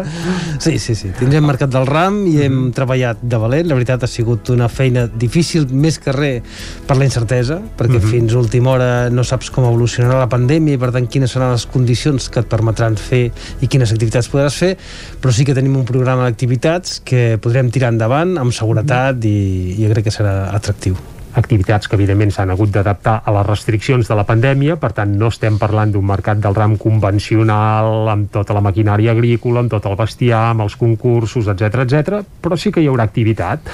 I si et sembla, Bernat, com que em sembla que ho heu vehiculat a través de tres grans eixos, eh, parlem d'un en un. Mm. Comencem, per exemple, al recinte firal del sucre, que, que hi tindrem allí? Al recinte firal del sucre hi haurà o, el que ja venia sent eh, els últims mercats del ram la caça de pagès, l'origen uh -huh. dels aliments, però amb un format diferent també, perquè lògicament allò era un espai de tallers, de descoberta, de contacte amb la terra i això això no podrà ser d'aquesta manera i el que, però el que sí que fem és tota una exposició, un espai, un itinerari on la gent podrà entrar des de la passera de que hi ha el pàrquing del, del sucre i sortir per darrere per Horta Nova uh -huh. i allà podran anar dis, diferents espais que hi haurà maquinària, l'evolució de la maquinària des de la maquinària més antiga fins a la maquinària més moderna dels tractors. no serà una exposició de maquinària agrícola No, no. convencional, això no, però hi haurà una espècie de museu, diguem-ne. eh? Sí, serà com un itinerari diguem, de descoberta, perquè també hi haurà com espais on doncs, hi haurà tot un, una, una casa dels insectes que se'ls diu per veure com funcionen els insectes, hi haurà una, una reproducció d'un hort i amb, una, amb el que és la producció en permacultura, hi haurà això, les diferents eines, les feines que es fan al camp, i també hi haurà uns vídeos que es podran, amb, amb, amb uns monitors que es podran anar seguint, i en aquests vídeos hi haurà tota una sèrie de preguntes com de juguesca que hauràs d'anar endevinant per veure com estàs d'informat o no i quines són les coses o curiositats que a vegades no sabem sobre la vida pagès i que les podrem descobrir. Per tant no serà una cosa que puguis tenir contacte però tampoc serà una cosa passiva de només caminar i res més sinó que també hi haurà possibilitats de fer una mica de juguesca, de descoberta I tot amb voluntat molt pedagògica, veiem, eh? Exacte. Sí, sí, és una voluntat d'anar apropant. Ja tenia, era una de les vessants que nosaltres volíem eh, potenciar al mercat del ram, la vessant aquesta de, de que hi ha, apropar el que és la realitat del camp a la gent en general i, i aquí nosaltres en aquest aspecte jo crec que és un treball que fem des del mercat del ram amb tota la complicitat del sector. El sector ens ajuda eh, i és d'una forma amb col·laboracions, etc aportant eh, doncs, també la maquinària, el bestiar, també tindrem bestiar, no seran les exposicions que teníem acostumats de més de 200 animals amb, concursos, això no serà possible, però sí que hi haurà una petita mostra tant de, doncs, de bestiar de boví, de llet i de carn, de diferents races, com de, també d'utxais, com de conills, i malauradament... Clar, aquest tingut- any, a part de la Covid, hi ha un parell de pandèmies que també ens toquen el crostó, diguem-ne, que impedeixen que hi hagi aviram i cavalls. Què Exacte. passa amb el bestiar aquí i amb l'aviram? Què, què tenim ara? L'aviram té un problema que és una, la influència aviària, que és una mena de grip aviària que, uh -huh. que no fa viable i no, i no permet la, la presència d'aquest bestiar uh -huh. i per tant s'ha hagut de suspendre i també els cavalls han hi ha hagut un rinovirus també Un rinovirus. rinovirus, el que m'han dit, jo no sóc eh, veterinari però uh -huh. Que es va aparèixer amb una concentració de- d'un concurs de, sal, de sal a València Uh -huh. i a partir d'aquí es van s'han pres tota una sèrie de mesures i per exemple les concentracions de cavalls estan, estan prohibides i per tant en aquest sentit no, no es podrà tenir ni això cavalls perquè volíem tenir algunes eugues perquè són animals que al camp tenen molta importància els matxos, etc. això no podrà ser possible i tampoc eh, el, tot el que és l'aviram És a dir, pollastres, galls i gallines no, no se'n veuran estaven tampoc, previstes però Mhm. no, no, al final no pot ser però igualment sí que hi haurà els altres tipus de races que jo crec que ja estarà bé i, i jo crec que podrà ser molt interessant la visita la visita Ah, aquest, per aquest cert, no, sí, no hem dit dies, uh, divendres, dissabte i diumenge es podrà Exacte. visitar aquest espai. Eh? L'horari és el similar de cada any, és divendres Mhm. a la tarda comencem, a les 5 de la tarda, i fins diumenge, eh? fins diumenge a la tarda. I qui vulgui ha de demanar cita prèvia per aquest espai concret, oi? Exacte.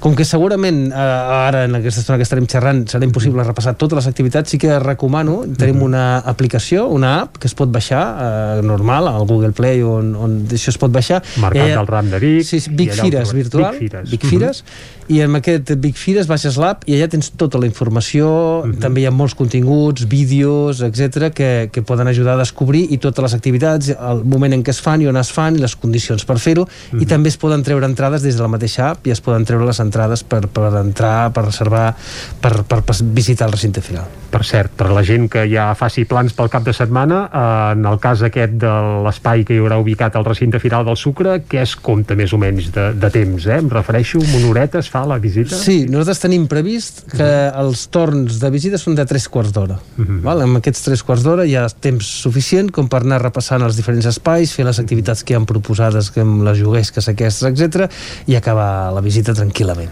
I suposo que és una visita molt recomanable per públic familiar, diguem-ne, eh? tant per grans com per petits, tenint en compte que hi haurà bestiar en viu, etc etc. Exacte, jo crec que sí, està molt pensat per públic familiar, en encara que doncs, això, qualsevol persona que li agradi el tema de la vida al camp i de, pagès i vulgui passar una estona agradable, jo crec que pot ser molt atractiu. Molt bé, primer punt d'atenció del Mercat del Ram. Anem molt de pressa, però com que tenim poc temps, anem pel segon espai, que si la gent s'ho agafa a peu, mm, resseguint el riu Meder eh, bé, el seu curs, és a dir, anem al passeig Pep Ventura, on per cert hi haurà activitat cultural, crec que vinculada al món del circ, durant tot dissabte i diumenge, crec, sí. i ens arribaríem fins al Parc Balmes, també a peu, és, és un passeig, i al Parc Balmes sí que hi ha un altre punt eh, important de- d'atenció del Mercat del Ram. Allí s'hi ubicarà un espai que heu batejat amb un nom curiós, també, eh? Sí, eh, l'espai... Exacte. De fet, és la conjunció de dos, de dos dels productes que trobarem, els dos productes que trobarem en aquest espai. Aquest espai és un espai expositiu, firal, Mhm. bàsicament, eh, de, de, de fira-mercat, de, on trobaràs parades amb productes. I els productes, bàsicament, que trobarem seran gastronomia, o sigui, productes Mhm. agroalimentaris o productes de proximitat, eh, amb el segell d'artesania o de producte de proximitat, Mhm. de tot tipus, i després també trobarem artesania.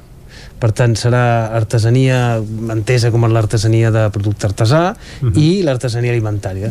Seria aquest, aquest espai, i per això li diem gastroart, i en aquest sentit gastroanart o gastroart, i hi haurà quasi bé unes 80 parades, amb tot l'espai del Parc Jaume Val més, més el passeig de la Generalitat que es tallarà el trànsit, i per tant serà un espai molt ampli, jo crec que molt agradable per passejar, per poder veure les parades i poder d'això. Eh, com has dit, aquestes activitats eh, es duen a terme al llarg de lo que és el, tot el riu Meder, perquè Mhm. ja era voluntat l'any passat, la proposta que teníem preparada del Mercat del Ram i que malauradament no vam poder fer, d'anar intentant ubicar el Mercat del Ram, que és aquesta gran festa de la comarca de la primavera, en aquest espai que vol ser un espai de trobada de tota la ciutat de Vic. Mhm. Per tant, eh, qui s'atansi també divendres, dissabte i diumenge a l'entorn del Parc Balmes podrà gaudir de totes aquestes parades. No sé si hi haurà alguna limitació, diguem-ne, d'aforament, algun control, com ho dureu a terme? Sí, en aquest cas, per les mesures de seguretat que lògicament hem de prendre, sí que el recinte d'aquest espai de les parades estarà tancat perimetralment. Hi haurà dos punts d'accés, per tant per la banda que ve del Pep Ventura com per la banda que ve del centre de la ciutat, i en aquells accessos hi haurà control d'aforament.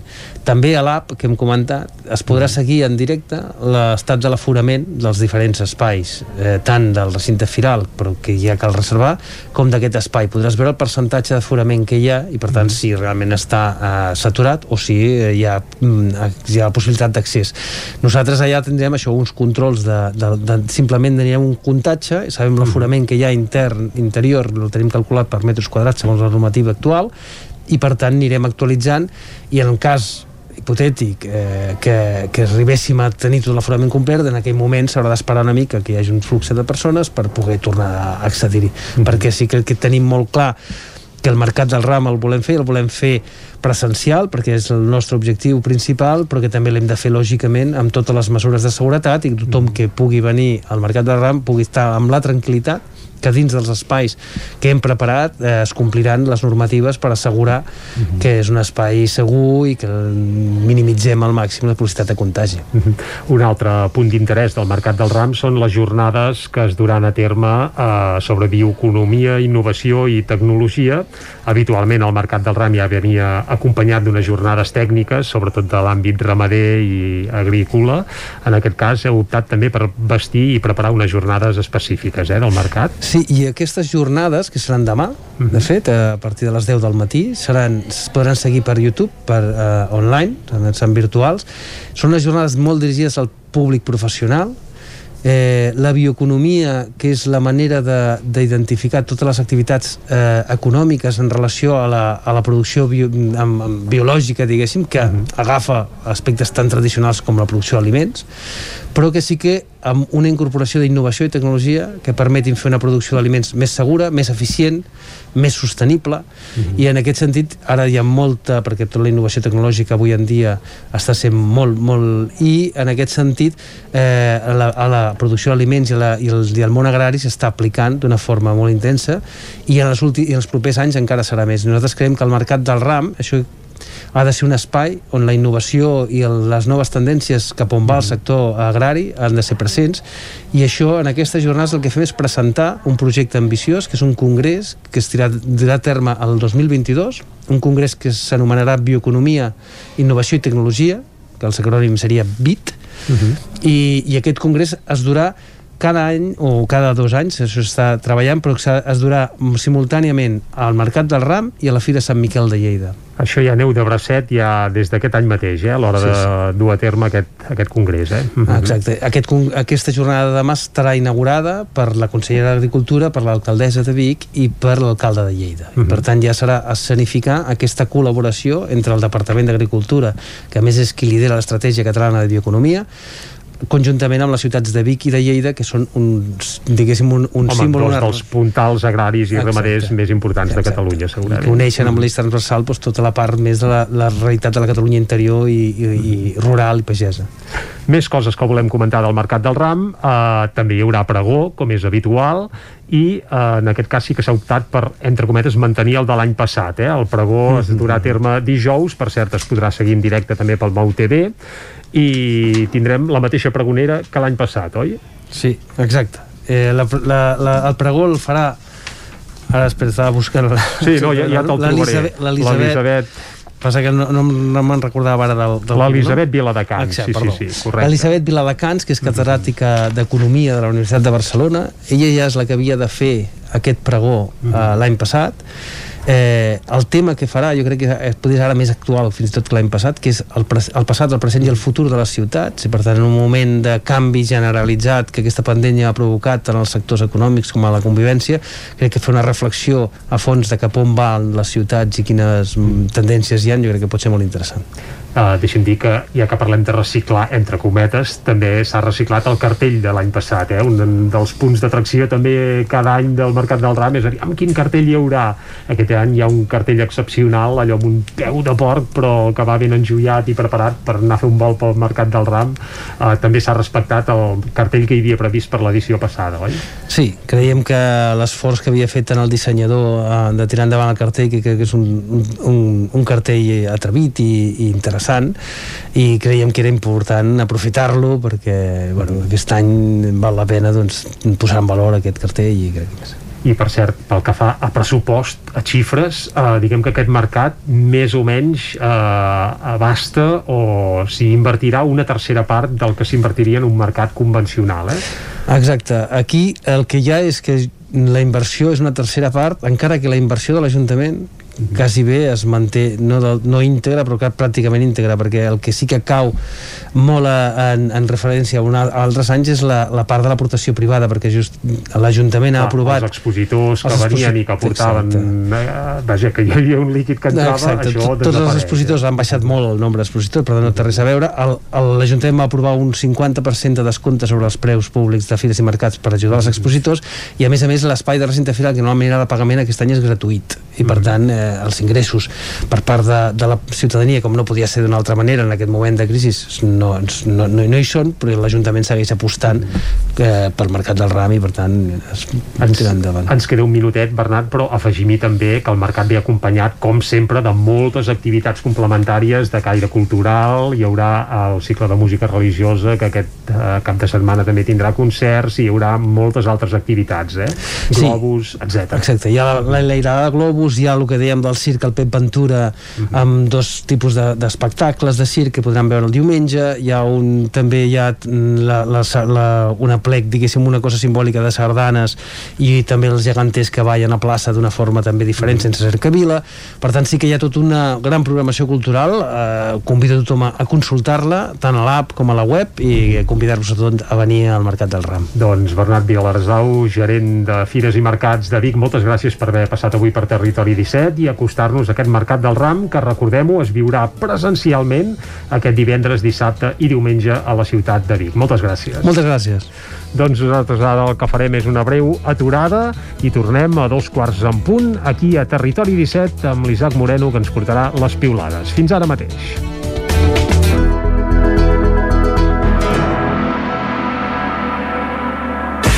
El nou FM, la ràdio de casa, al 92.8. Vine a Autoscola Montseny i t'informarem de les nostres ofertes. Permís de moto 16 anys amb 4 pràctiques des de 399 euros. Permís de moto 18 anys amb 4 pràctiques des de 425 euros. Permís de cotxe amb 10 pràctiques des de 460 euros. I si vens amb un amic, et regalem una pràctica. Per més informació, Autoscola Montseny, a la Rambla de Vallades 13, primer segona de Vic, al telèfon 93 885 45 88 i també a Facebook i Instagram. Autoscola Montseny us desitja un bon mercat del ram. A Vic, T52, un taller d'emocions. Una celebració, un reconeixement, un record, la victòria, el premi. Tenim una solució personalitzada per a cada ocasió. Ens trobaràs al centre, al carrer 941 i també a l'Horta Vermella, al carrer Menéndez Pelayo 31. Més informació a t52.cat.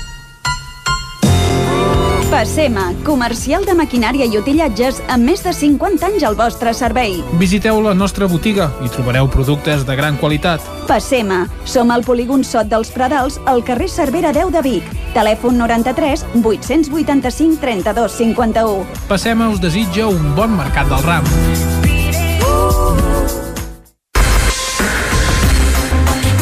El nou FM, la ràdio de casa, al 92.8.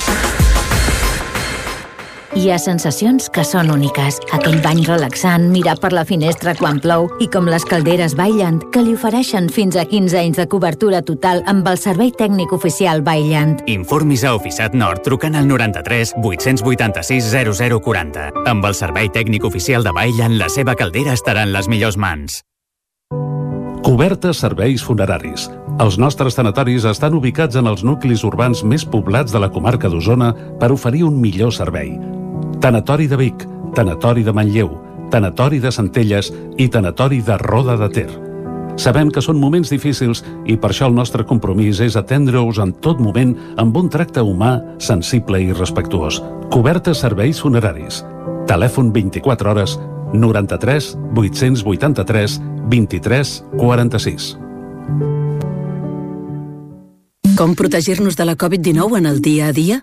Millor a l'exterior que a l'interior. Millor amb poques persones que amb moltes.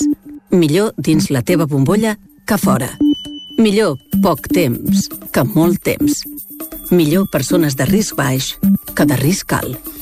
Informa-te'n a canalsalut.gencat.cat.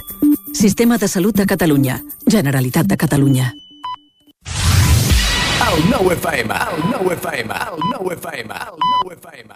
Territori 17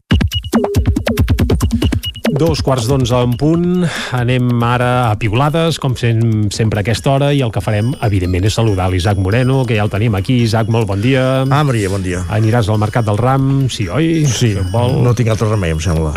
Bé, ni que sigui exacte, per qüestions professionals, eh? Molt bé, doncs ara que ja en coneixem tots els detalls del Mercat del Ram, el que hem de fer és conèixer els detalls de què diu el món de Twitter i repassar-ho aquí a Territori 17. Per on comencem, Isaac? Doncs avui comencem per una efemèride no gaire agradable.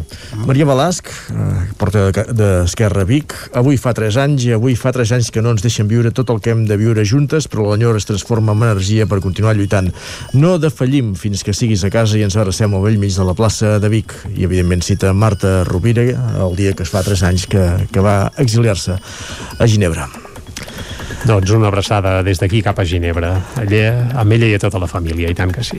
Teresa Rossell diu el doctor Bacelga ha estat un referent mundial, mundial ho diu majúscules, en la lluita contra el càncer. Ho dic perquè ningú del govern, ministre de Sanitat no deu saber qui és, ni Casa Real han dit ni piu. Això sí, li han fet un tuit al candidat Illa com a representant a la colònia. Espero que algun dels meus followers espia hi posi remei, diu. Canviant de qüestió, la Rossell també una altra piolada diu eh, sobre la designació d'Edmundo Val com a candidat de Ciudadanos a la Comunitat de Madrid.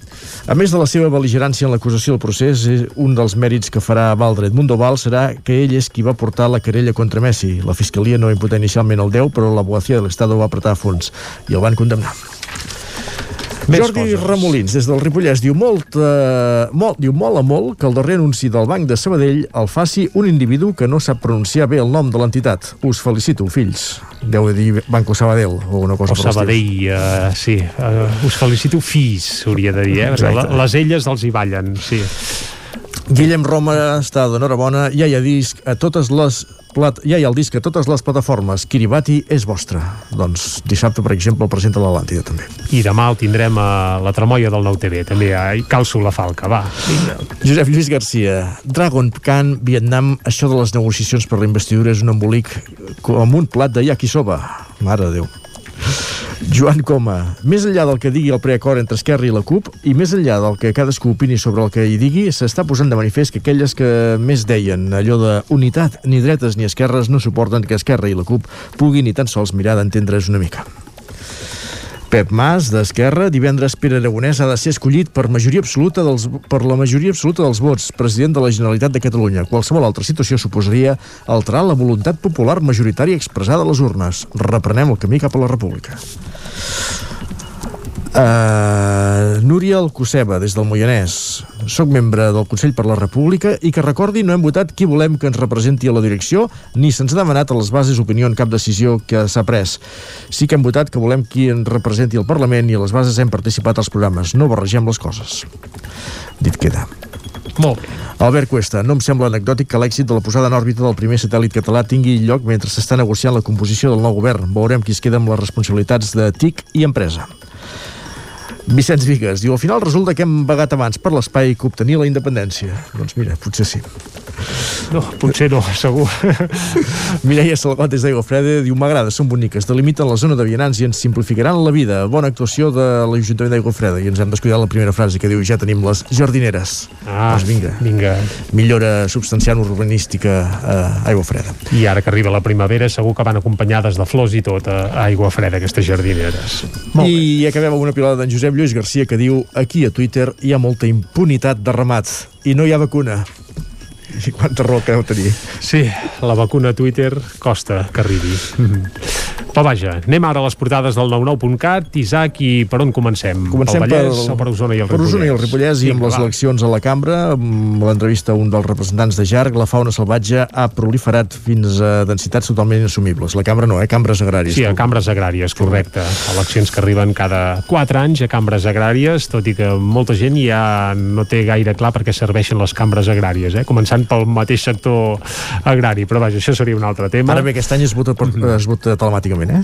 Sí, si es vol, sí, sí, sí, sí. Això També, també podem trobar el vídeo del concert que feia divendres Clara Peia a l'Atlàntida o altres titulars construint futurs al Marroc, una fira de mínims però fira al cap i a la fi i també Vic recupera el mercat del ram adaptant-lo a les restriccions. Carreguem ràpidament la portada del Vallès Oriental eh, de color verd cauen amb el cotxe per un marge de 10 metres a la torrera i fugen abans que arribin els serveis d'emergència, carai. La Guàrdia Urbana de Barcelona troba el violí robat a, de Corrado Bolsi. Ah, ostres, Mira, això bé. celebrem-ho, celebrem-ho, i tant que sí. I cues de fins a 9 quilòmetres a la C-17 a la primera operació tornada en un any. Si vols podem ampliar la notícia de, del violí. Així és... Home, ahir en vam parlar i la veritat és que és una notícia que lamentàvem, evidentment, perquè es tractava d'un violí d'altíssim valor del segle XIX i que, bé, malauradament, doncs el va perdre precisament el tren. Bé, perdre o potser li van furtar. Uh, què més es diu a la notícia, Isaac? Veig que la notícia és d'ara mateix, de les 10.26 publicada, diu el violí el portava una persona que estava al barri del Raval, bàsicament això, el va recuperar una parella de Guàrdia Urbana dilluns al vespre al barri del Raval, quan va veure una persona amb un estuig, la van parar i van comprovar que hi havia el violí en qüestió. Doncs ens n'alegrem que s'hagi pogut recuperar aquest violí perquè això sí que és una molt bona notícia. I Molt tant. Doncs moltes gràcies, Bé, Isaac. bon dia. Nosaltres ara, de seguida enfilem la taula de redacció.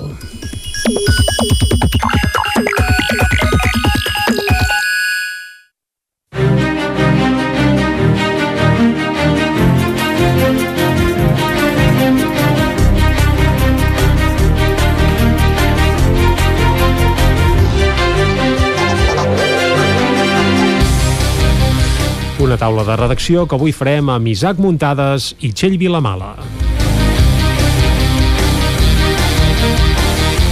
Amb l'Isaac Muntades parlarem dels actes vandàlics i incívics que hi ha hagut aquest cap de setmana a Ripoll i amb Txell Vilamala farem balanç turístic del primer cap de setmana sense confinament comarcal a les nostres contrades. I començarem anant cap a la veu de Sant Joan amb l'Isaac Muntades perquè ens detalli què ha passat aquest cap de setmana a Ripoll. Isaac, molt bon dia. Molt bon dia, Jordi. Uh, hi ha pintades, eh? I no precisament de, bé, de, de les boniques uh, al nucli antic de Ripoll. Exacte, uh, Ripoll de fet aquest cap de setmana que precisament celebrava la Fira de les 40 hores doncs va llevar-se tant les nits de divendres i dissabte que és quan es van fer aquestes uh, pintades doncs tot el, el, que, el que deies eh, el nucli uh, històric al barri vell de, de Ripoll doncs va despertar ple de pintades a, a comerços, també n'hi havia algunes entitats bancàries com per exemple el Banc Sabadell. I evidentment doncs, eh, quan es va saber de, de l'aparició d'aquestes pintades l'Ajuntament de Ripoll el que va fer ràpidament va ser advertir a la policia local perquè investigués a veure de qui, de qui podia tractar-se, qui podia ser l'autor d'aquestes uh, uh, pintades i evidentment ho va denunciar també a través de les xarxes socials uh, dient que no, no podia ser de cap manera que passés això. De fet, en les últimes hores el, el grup d'Esquerra Republicana em sembla que també ha demanat a l'Ajuntament que uh, pagui doncs, la neteja d'aquestes pintades perquè evidentment fan molt mala imatge i a més encara recordem que queden algunes setmanes de Fira de les 40 hores, per tant uh, s'espera que vinguin visitants a, a Ripoll. I, i bé, dir que són com unes, les pintades aquestes eh, són com unes signatures d'uns noms que es poden arribar a llegir, que són Rònic i Geek, que estan fetes en pintura verda i blava. I, i bé, sembla doncs d'algunes persones que tenen alguna idea doncs, de, de fer grafitis en aquest cas. Mm -hmm. uh, aquestes no són les úniques pintades que hi van haver-hi, unes altres totalment diferents, segurament molt pitjors pel que fa a contingut, perquè sí que eh, doncs eh, s'hi van dibuixar doncs, eh, eh, alguna esbàstica, una, una creu celta, també eh, això va ser doncs, en el cas de la seu del Partit Aliança Catalana, que és el partit de la regidora no escrita eh, Sílvia Oriols, que en aquest cas eh, aquestes pintades van fer de la matinada de divendres a dissabte i, i s'haurien fet a partir de les 10 del vespre perquè una persona que té un restaurant allà doncs, va dir que no, no les havia vistes i, i es van fer llavors. Uh, també entre aquestes pintades s'hi podia llegir la paraula puta i fora nazis i power judíos, moros, sudaca i catalans. Eren unes pintades uh, una mica desagradables, certament, i, i evidentment doncs, uh, aquí Sílvia Oriols, que ja sabeu que també aprofita qualsevol atac contra ella per amplificar-ho ràpidament, doncs va denunciar-ho i, i, i va acusar directament a l'Ajuntament de dir que es lamentaven una sèrie de pintades i altres no, fent al·lusió a les que li havien fet a la seva a la seu del, del seu partit. Ella ho va denunciar als Mossos i, en, i va uh, penjar la denúncia de, que havia presentat els Mossos a les xarxes socials. I en aquesta denúncia hi apareix que ella eh, sospita, per no dir que acusa directament, a la comunitat islàmica de Ripoll i al casal popular La Metxa, que creia que havia estat alguna d'aquests dos col·lectius i que hi havia la CUP al darrere també, per tant doncs eh, ho tenia molt clar, ja veurem què passa i, i, i si es descobreix qui ha sigut, però, però bé, eh, aquestes pintades van uh, van aparèixer durant aquest cap de setmana i, i suposo que Uh, podrien tornar a aparèixer recurrentment perquè com sabeu Sílvia Oriols doncs a Ripoll té aquest, aquesta espècie de cordó sanitari hi ha molta gent que tampoc està en compte de moltes coses que diu, de les que diu i per tant tampoc seria estrany. I, i per acabar dir-vos que també uh, l'incivisme no només es basa, es basa en pintades sinó um, incompliments de les restriccions de, de Covid perquè es va fer com una espècie de botellón uh, davant de l'entrada a l'església de Sant Josep Obrer de Ripoll evidentment això és una cosa que se suposa que es fa més al, al vespre quan no et veuen per tant segurament saltant-se el toc de queda uh mhm. -huh. i, i això a més a més amb la greujant que és una església que està situada just al costat dels jutjats per tant que és una església a vegades que eh, els Mossos aparquen molt a prop dels jutjats per vigilar els jutjats en algunes ocasions i, i per tant doncs és, és estrany que s'aprofiti aquell lloc però s'hi va trobar de tot, eh? llaunes de cervesa hi havia ampolles eh, de paquets de tabac, vull dir era una situació bastant lamentable i a més a més ja fa uns dies també els hi van trencar un dels vitralls, això ja ho han denunciat els Mossos i la policia local i s'està investigant per veure si poden eh, descobrir qui, qui, ha pogut, qui ha pogut ser però ja veieu que Ripoll hi ha bastant incivisme uh, darrerament. Doncs tant de bo s'acabi aquest incivisme perquè és evident que això no beneficia a ningú. Moltes gràcies, Isaac Muntades, per acostar-nos a aquests actes incívics que s'han registrat aquest cap de setmana a Ripoll. Anem ara de Ripoll cap a Osona amb la Txell Vilamala. Txell, molt bon dia. Bon dia. I amb la Txell repassarem una mica com ha anat aquest primer cap de setmana turísticament parlant de desconfinament perquè bé, era el primer en què ja no hi havia la restricció de la mobilitat eh, entre comarques. Txell, no sé si vas anar a aprofitar per anar a fer algun vol a una comarca veïna o no? Estava treballant, per tant, eh, no vaig anar a cap comarca mm -hmm. veïna, però sí que em vaig passejar per la nostra, que a més a més és molt maca, i vaig, I tant, i tant. i vaig constatar que hi havia gent. El que passa que hi ha hagut una doble circumstància. Mm -hmm. D'una banda, portàvem uns quants caps de setmana que gent d'aquí la comarca se n'anava, per exemple, a pujar a Bellmunt, o la veiem passejant per aquí l'Anella Verda de Vic, a Cabrera, que són eh, punts que estan bé per anar a passar un diumenge d'excursió, per exemple, anar a fer una passejada al matí, després ser a casa a dinar. Aquest cap de setmana aquesta gent no la vèiem en aquests punts, uh, segurament és gent d'Osona mateix que se'n va anar, per exemple, a la Costa Brava. Uh, jo sí que, vaig mar, de, sí. sí que vaig detectar gent d'aquí que se n'anava precisament a veure el mar i per contra va venir gent d'altres comarques a altres punts, com per exemple podrien ser els cingles de Tabertet, uh, que són emblemàtics per fer-se fotos i tenen aquest encant de poble de pel·lícula uh, uh, sobre les pedres allà al Pantà de Sau. Llavors també, per exemple, al Lluçanès hi havia força gent amb aquests pobles i poblets més petits i també vam patir el trànsit uh, d'aquest èxode que hi va haver de Barcelona entre sobretot el divendres a la tarda i el dissabte al matí per anar-se'n cap al Ripollès, en altres casos a la Cerdanya trepitjar neu. Per tant, hi ha hagut gent, passa que la gent els, els altres caps de setmana també l'havien vist, però segurament era una altra diferent de la que ens ha vingut a visitar doncs, aquest dissabte i aquest El que diumenge. ha canviat era el perfil de la gent, Ah, sobretot, exactament. eh? geogràfic. I llavors el que ens trobem també és que les cases rurals eh, estan fent l'agost, eh, mai millor dit, perquè eh, la pandèmia fa que la gent sigui molt més curosa amb tot el que implica compartir espais, mantenir les distàncies de seguretat, evitar el contacte amb altres persones que no formin part de les bombolles, i això, evidentment, afavoreix uns tipus de negocis que el que es basen és en basar tot una, en llogar o, o tot una casa o tot un pis, és igual, un espai que només l'ocupa una família o dues famílies, però que es poden considerar bombolla perquè tenen llaços. Per tant, eh, nosaltres vam anar a veure una família de Sabadell que se n'havia anat a passar el cap de setmana a Santa Creu de Juglar i ells estaven encantats perquè això són una família que estaven acostumats que cada any sortien 4 o 5 vegades a diferents punts de Catalunya, sempre en cases rurals. Evidentment, eh, l'any passat amb el confinament domiciliari eh, no ho van poder fer. A l'estiu sí que en van llogar una tota una setmana, però llavors va arribar a la tardor, a partir de l'octubre van tornar a arribar les restriccions, restriccions. i entre confinament municipal de cap de setmana, després confinament municipal permanent, confinament comarcal, no havien pogut tornar a sortir. Aquell cap de setmana eren a Santa Creu, el dissabte se'n van intentar anar a Molló Park, Intentar. intentar, perquè quan van ser a l'altura de Ripoll, a la rotonda de Ripoll, eh, hi havia cua, això em sembla que també en veu estar parlant Sí. ahir, Tot i que era una cua val a dir, més motivada precisament pels controls policials que hi havia que no pas per la gran densitat de vehicles en si, eh? però vaja, però la cua hi era, i tant. Aquesta família fins a la rotonda hi va arribar, eh, ja portaven una bona estona de cotxe perquè estem parlant de Santa Creu de Juglar fins a Sí, Ripoll. sí, que és pràcticament a mig Lluçanès, en terme d'Olost, per tant, anar fins a Molló Parc, una horeta quasi no els hi treu ningú, eh? I llavors quan van ser allà es van trobar parats els nens a dins del cotxe que ja estaven cansats i van decidir, encara els hi quedaven em sembla que ens van dir 35 minuts els hi marcava el GPS i van decidir que giraven cua, per tant se'n van tornar una vegada cap, una altra vegada cap a Santa Creu i el diumenge que és quan els vam anar a visitar a nosaltres, eh, vam anar a primera hora s'acabaven de llevar, estaven esmorzant i llavors tenien previst anar-se'n a Perafita a, a comprar coca. Un clàssic, coca de parafita. i a la tarda una altra vegada cap a Sabadell. Però sí que ells explicaven que sobretot els nens estan molt emocionats quan saben que tornaran a sortir que se n'aniran encara que sigui un parell de nits a fora de casa, que trepitjaran territori nou, que veuran coses noves i ells efectivament ho han trobat molt a faltar.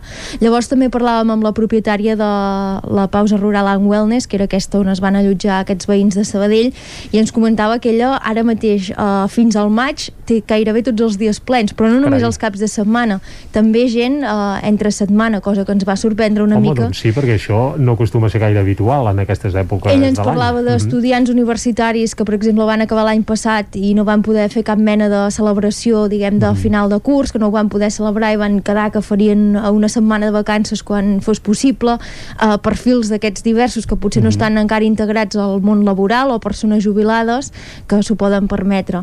I sí que ens deia també la Inés Saus, que és la propietària d'aquest establiment, que quan es va obrir el confinament comarcal, curiosament, ells van tenir gent de Vic i de Sant Bartomeu que a priori... Eh, Carai. Per tant, gent que des de Vic se'n va anar a passar el cap de setmana a Santa Creu de Junglàs. O encara és més estrany poder de Sant... minuts amb cotxe. O de Sant Bartomeu, que també, diguem, forma part del, sí, sí, del mateix de la subcomarca del Lluçanès. Gairebé. Llavors ell ens deia que al principi també l'havia sorprès, sí que és veritat que les cases rurals tenen altres atractius en els, Mhm. En el seu cas ell, ells tenen una piscina climatitzada, una sauna, per tant poden oferir altres coses, però això demostra clarament que aquest tipus de turisme de casa rural segurament serà uh, l'establiment de l'any, perquè amb el que queda, uh, avanci com avanci la Mhm. ja ho va ser vacunació... l'estiu passat i sembla que tot tornarà a anar cap aquí, eh? L'altra gran derivada d'aquest cap de setmana de relaxament del confinament comarcal és que han tornat a obrir els comerços que no són de primera necessitat. Recordem que ara teníem les botigues de roba, calçat, també les grans superfícies comarcals, tan... ai, comarcals no, comercials, De la comarca, per tant, comarcals també. tancades en cap de setmana. Uh, Aquest dissabte i diumenge van poder tornar a obrir. Això va fer que, per exemple, aquí Vic uh, recuperés l'ambient clàssic del mercat dels dissabtes, que és molta gent a plaça, però també molta gent passejant-se doncs, pels carrers adjacents a la plaça, com podrien ser els argent, el dels argenters, aquests carrers més típicament comercials. Vam parlar amb els paradistes del mercat i ens deien que de gent, és veritat que envoltava molta, una altra cosa és que tinguessin ganes de gastar perquè les vendes tampoc els hi van anar com és habitual, però bé, consideraven això que és el primer dia que la gent podia tornar a sortir i passejar-se amb les botigues obertes i també entenien que el que hi havia ganes era això de, de sortir i badar, si em permets l'expressió, I tant. i llavors poder més endavant doncs parlarem de comprar. Uh, sí que és veritat uh, que econòmicament ja sabem que la pandèmia ha passat molta factura i ells deien això que també estan una mica a l'expectativa de com funciona aquesta recuperació del, La recuperació La de tot recuperació, plegat, exacte. exacte. Doncs Txell, ho seguirem. Moltes gràcies per acompanyar-nos avui a Jordi. Territori 17. Afegim que el cap de setmana que ve, com que és Mercat del Ram, si més no a la capital d'Osona, de Caliu, segur que n'hi haurà i més encara que el cap de setmana passat. Moltes gràcies, Txell. Moltes gràcies també a l'Isaac Muntades. Amb ells dos hem passat a la taula de redacció avui aquí a Territori 17.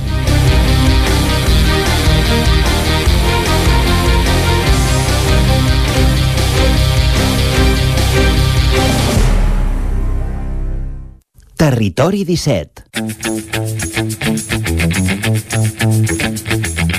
Busca't la vida amb Cela Falgueres.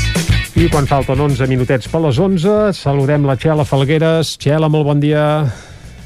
Hola, molt bon dia a tots. Um, avui us porto un programa, com sempre, fantàstic, tant, ple d'idees, ple de persones, de coses que passen al nostre món, i um, m'agradarà que escolteu uh, l'entrevista i, i que, que fem avui a la Clara i en Santi, que ara us explicaré qui són, i què expliquen ells del que és el millor i el pitjor de la seva aventura emprenedora. Us poso una mica en, en context.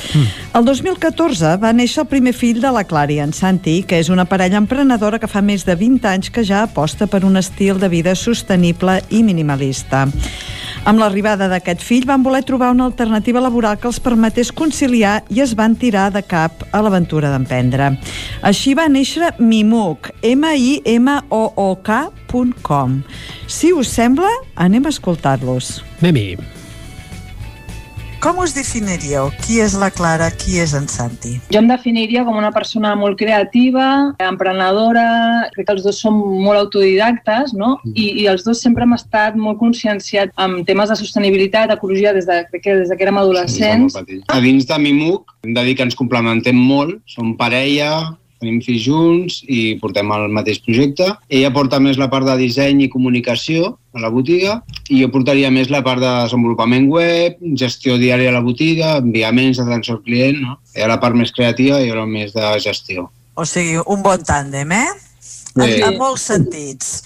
Com sorgeix la idea de fer Mimoc? En quin moment veu pensar hem d'engegar un projecte nou o, o fem-ho realitat? Com va sortir la idea? Bueno, la idea va sortir gràcies a, bueno, per, a, a, quan el Santi i jo vam tenir el nostre primer fill. Fa sis anys. Fa sis anys, sí. Eh, jo, jo vaig decidir obrir un, un blog de receptes per bebès que en aquell moment, bueno, era el baby, de Baby Led Winning, que en aquell moment no hi havia res. Llavors vaig obrir el blog. I del blog bueno, vam començar a tenir moltes visites, moltes visites, i vam dir, ostres, què podríem fer, no? Dic, vam, vam decidir obrir una botiga online, fer, crear Mimoc, I, I en un principi la botiga era més pensada per productes infantils, ja que quan vam tenir el nostre fill ens vam adonar que tot el que envoltava els productes infantils era de plàstic, no? plats de plàstic, gots de plàstic, joguines de plàstic. Llavors vam decidir crear Mimuc per fer una botiga infantil lliure de plàstic. De seguida que la vam obrir ens vam adonar que el plàstic no, no estava només en, el, en, en els productes infantils. I de seguida vam fer Mimuc doncs, una botiga lliure de plàstic per tots els públics, que seria ara el que es coneix com a Zero Waste. Bueno, va de ser... seguida, crec que no vam fer ni un va, any, sí, eh, com va a ser botiga ràpid, infantil. una mica progressiu, però molt ràpid, no?, el canvi. I Mimuc, el nom de Mimuc, eh, què representa? Què significa? Bueno, bus buscàvem un, un nom que sigués bonic i, i, i l'origen de Mimuc ve de Mimo. El vostre lema és Zero Waste o Residu Zero. Això és una tendència... Jo crec, bueno, mira, quan vam obrir la botiga, que el 2016, no es parlava de... Potser als Estats Units sí, però aquí a Espanya no es coneixia no, el concepte De Zero Waste. de zero waste ni de residu zero.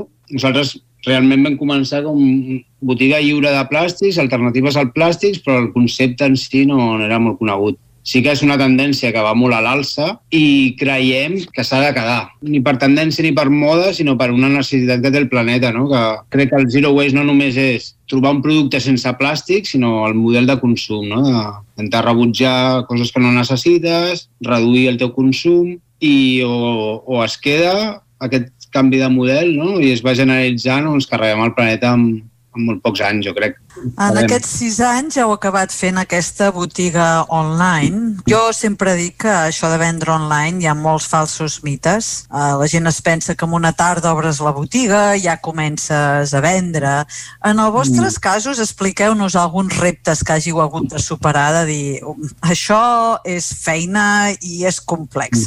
No, no, i també un dels primers reptes és que, bueno, el que era crear la botiga ja ho teníem per la mà, però sí que és veritat que quan la poses, no, la llences i la poses a internet, fins que t'arriba la primera comanda, no, que no sigui d'amics o de familiars, costa, no? És com un buit, no? Que Sí, estàs allà esperant i, bueno, no arriben, no arriben, fins que...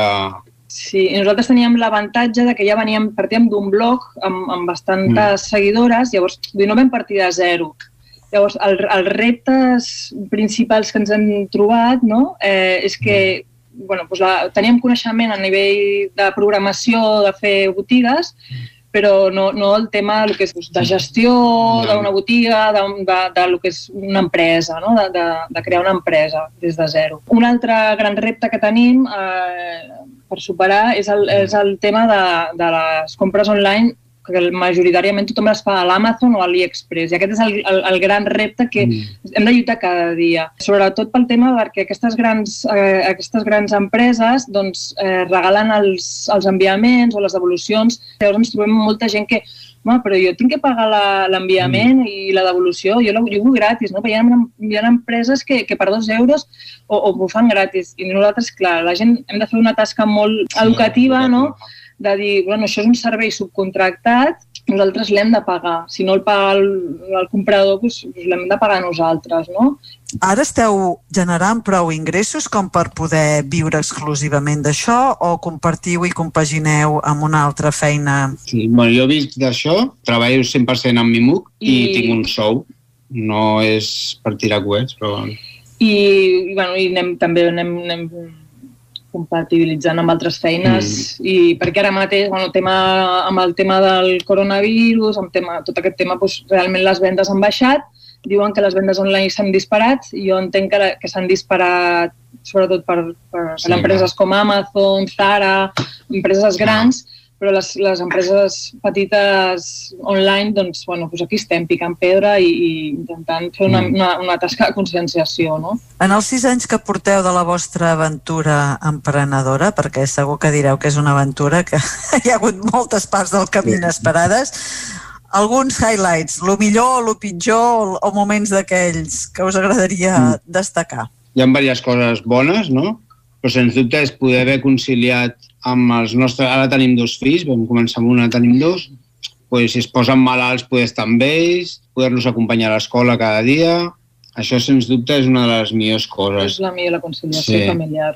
Una altra bona és que ens sentim molt còmodes amb el que estem fent i amb el que estem venent, no? Perquè no, som, no vens qualsevol producte que compres, vens, sinó que creiem que estem ajudant a, tant a les persones i al planeta, no? Dependre de tu mateix només, no? No has de donar explicacions a ningú, és el teu propi cap per, per les coses bones i per les dolentes, no? Sempre. Sí. I, i el que ha sigut més difícil o els moments més durs? La incertesa, qualsevol, no? Emprenedoria és la incertesa, sobretot econòmica, que tens al dia a dia, no?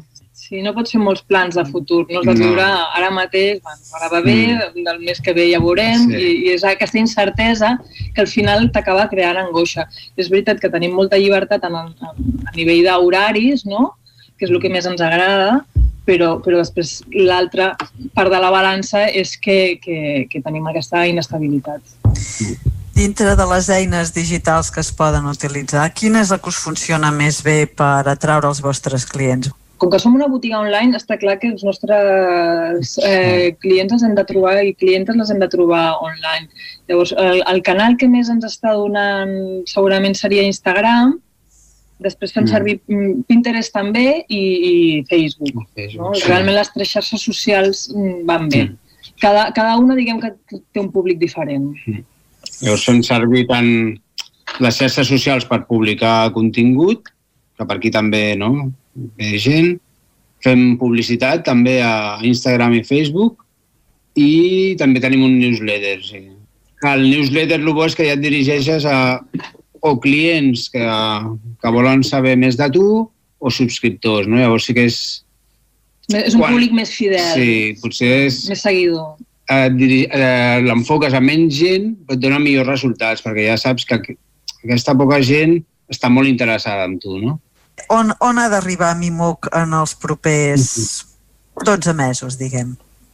Bueno, el nostre pla de futur és poder seguir amb la nostra botiga online, és el principal, però el, tenim un projecte que ara mateix doncs, potser no, per la situació que, que estem vivint no és, la, no és la, el, el millor moment, però el nostre projecte és poder fabricar els nostres propis productes sempre amb materials ecològics, sostenibles i sobretot fabricats localment, no? aquí a Catalunya, que no, que no vinguin de, de no? Mm. Aquest és, és el nostre objectiu. A veure si el podem aconseguir. I estem, en això estem ara, no? Compaginant.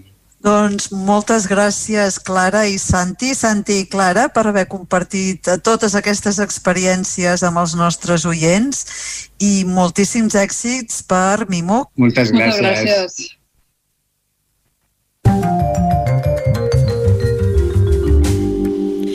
Avui l'app d'aquesta setmana eh, serveix per eh, jugar. Eh? Uh mhm. -huh. És uh, un joc molt conegut de preguntes i respostes, que és el Trivia. Li vaig dir a veure si hi ha alguna adaptació.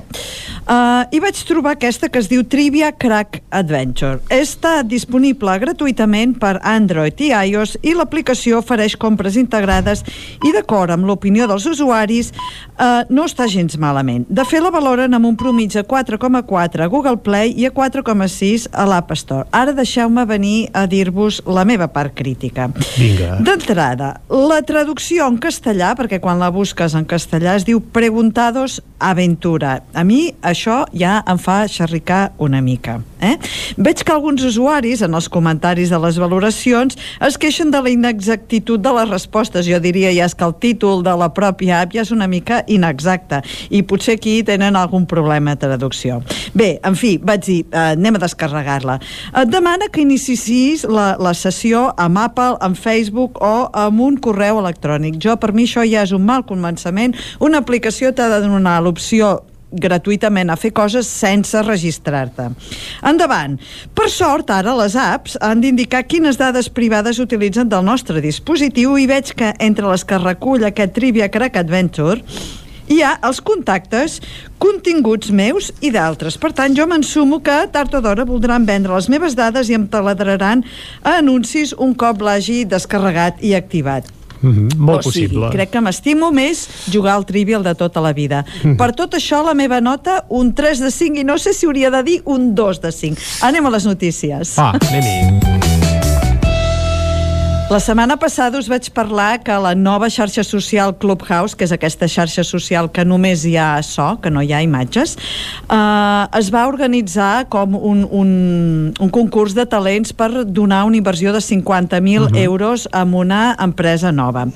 Encomenda Smart Capital, que és l'empresa que hi ha darrere d'aquesta novedosa eh, iniciativa, va comunicar divendres via Twitter que aquesta setmana diran qui ha guanyat aquesta edició tan especial especial eh, que hi va tenir una participació de 30 empreses. Us vaig dir, a veure si la setmana que ve us puc dir alguna cosa. El que us puc dir és que van dir per Twitter que hem d'esperar uns dies més. A veure si la setmana ja tenim guanyador o guanyadors i mirem quines són les empreses eh, i què fan aquestes empreses que han estat seleccionades. Ja aquí ja posats a somiar, a veure si puc contactar amb aquestes empreses i que em diguin com està l'experiència. Vinga, repte per la Xela, busca la ah, exacte, vida amb un programa bé, del futur.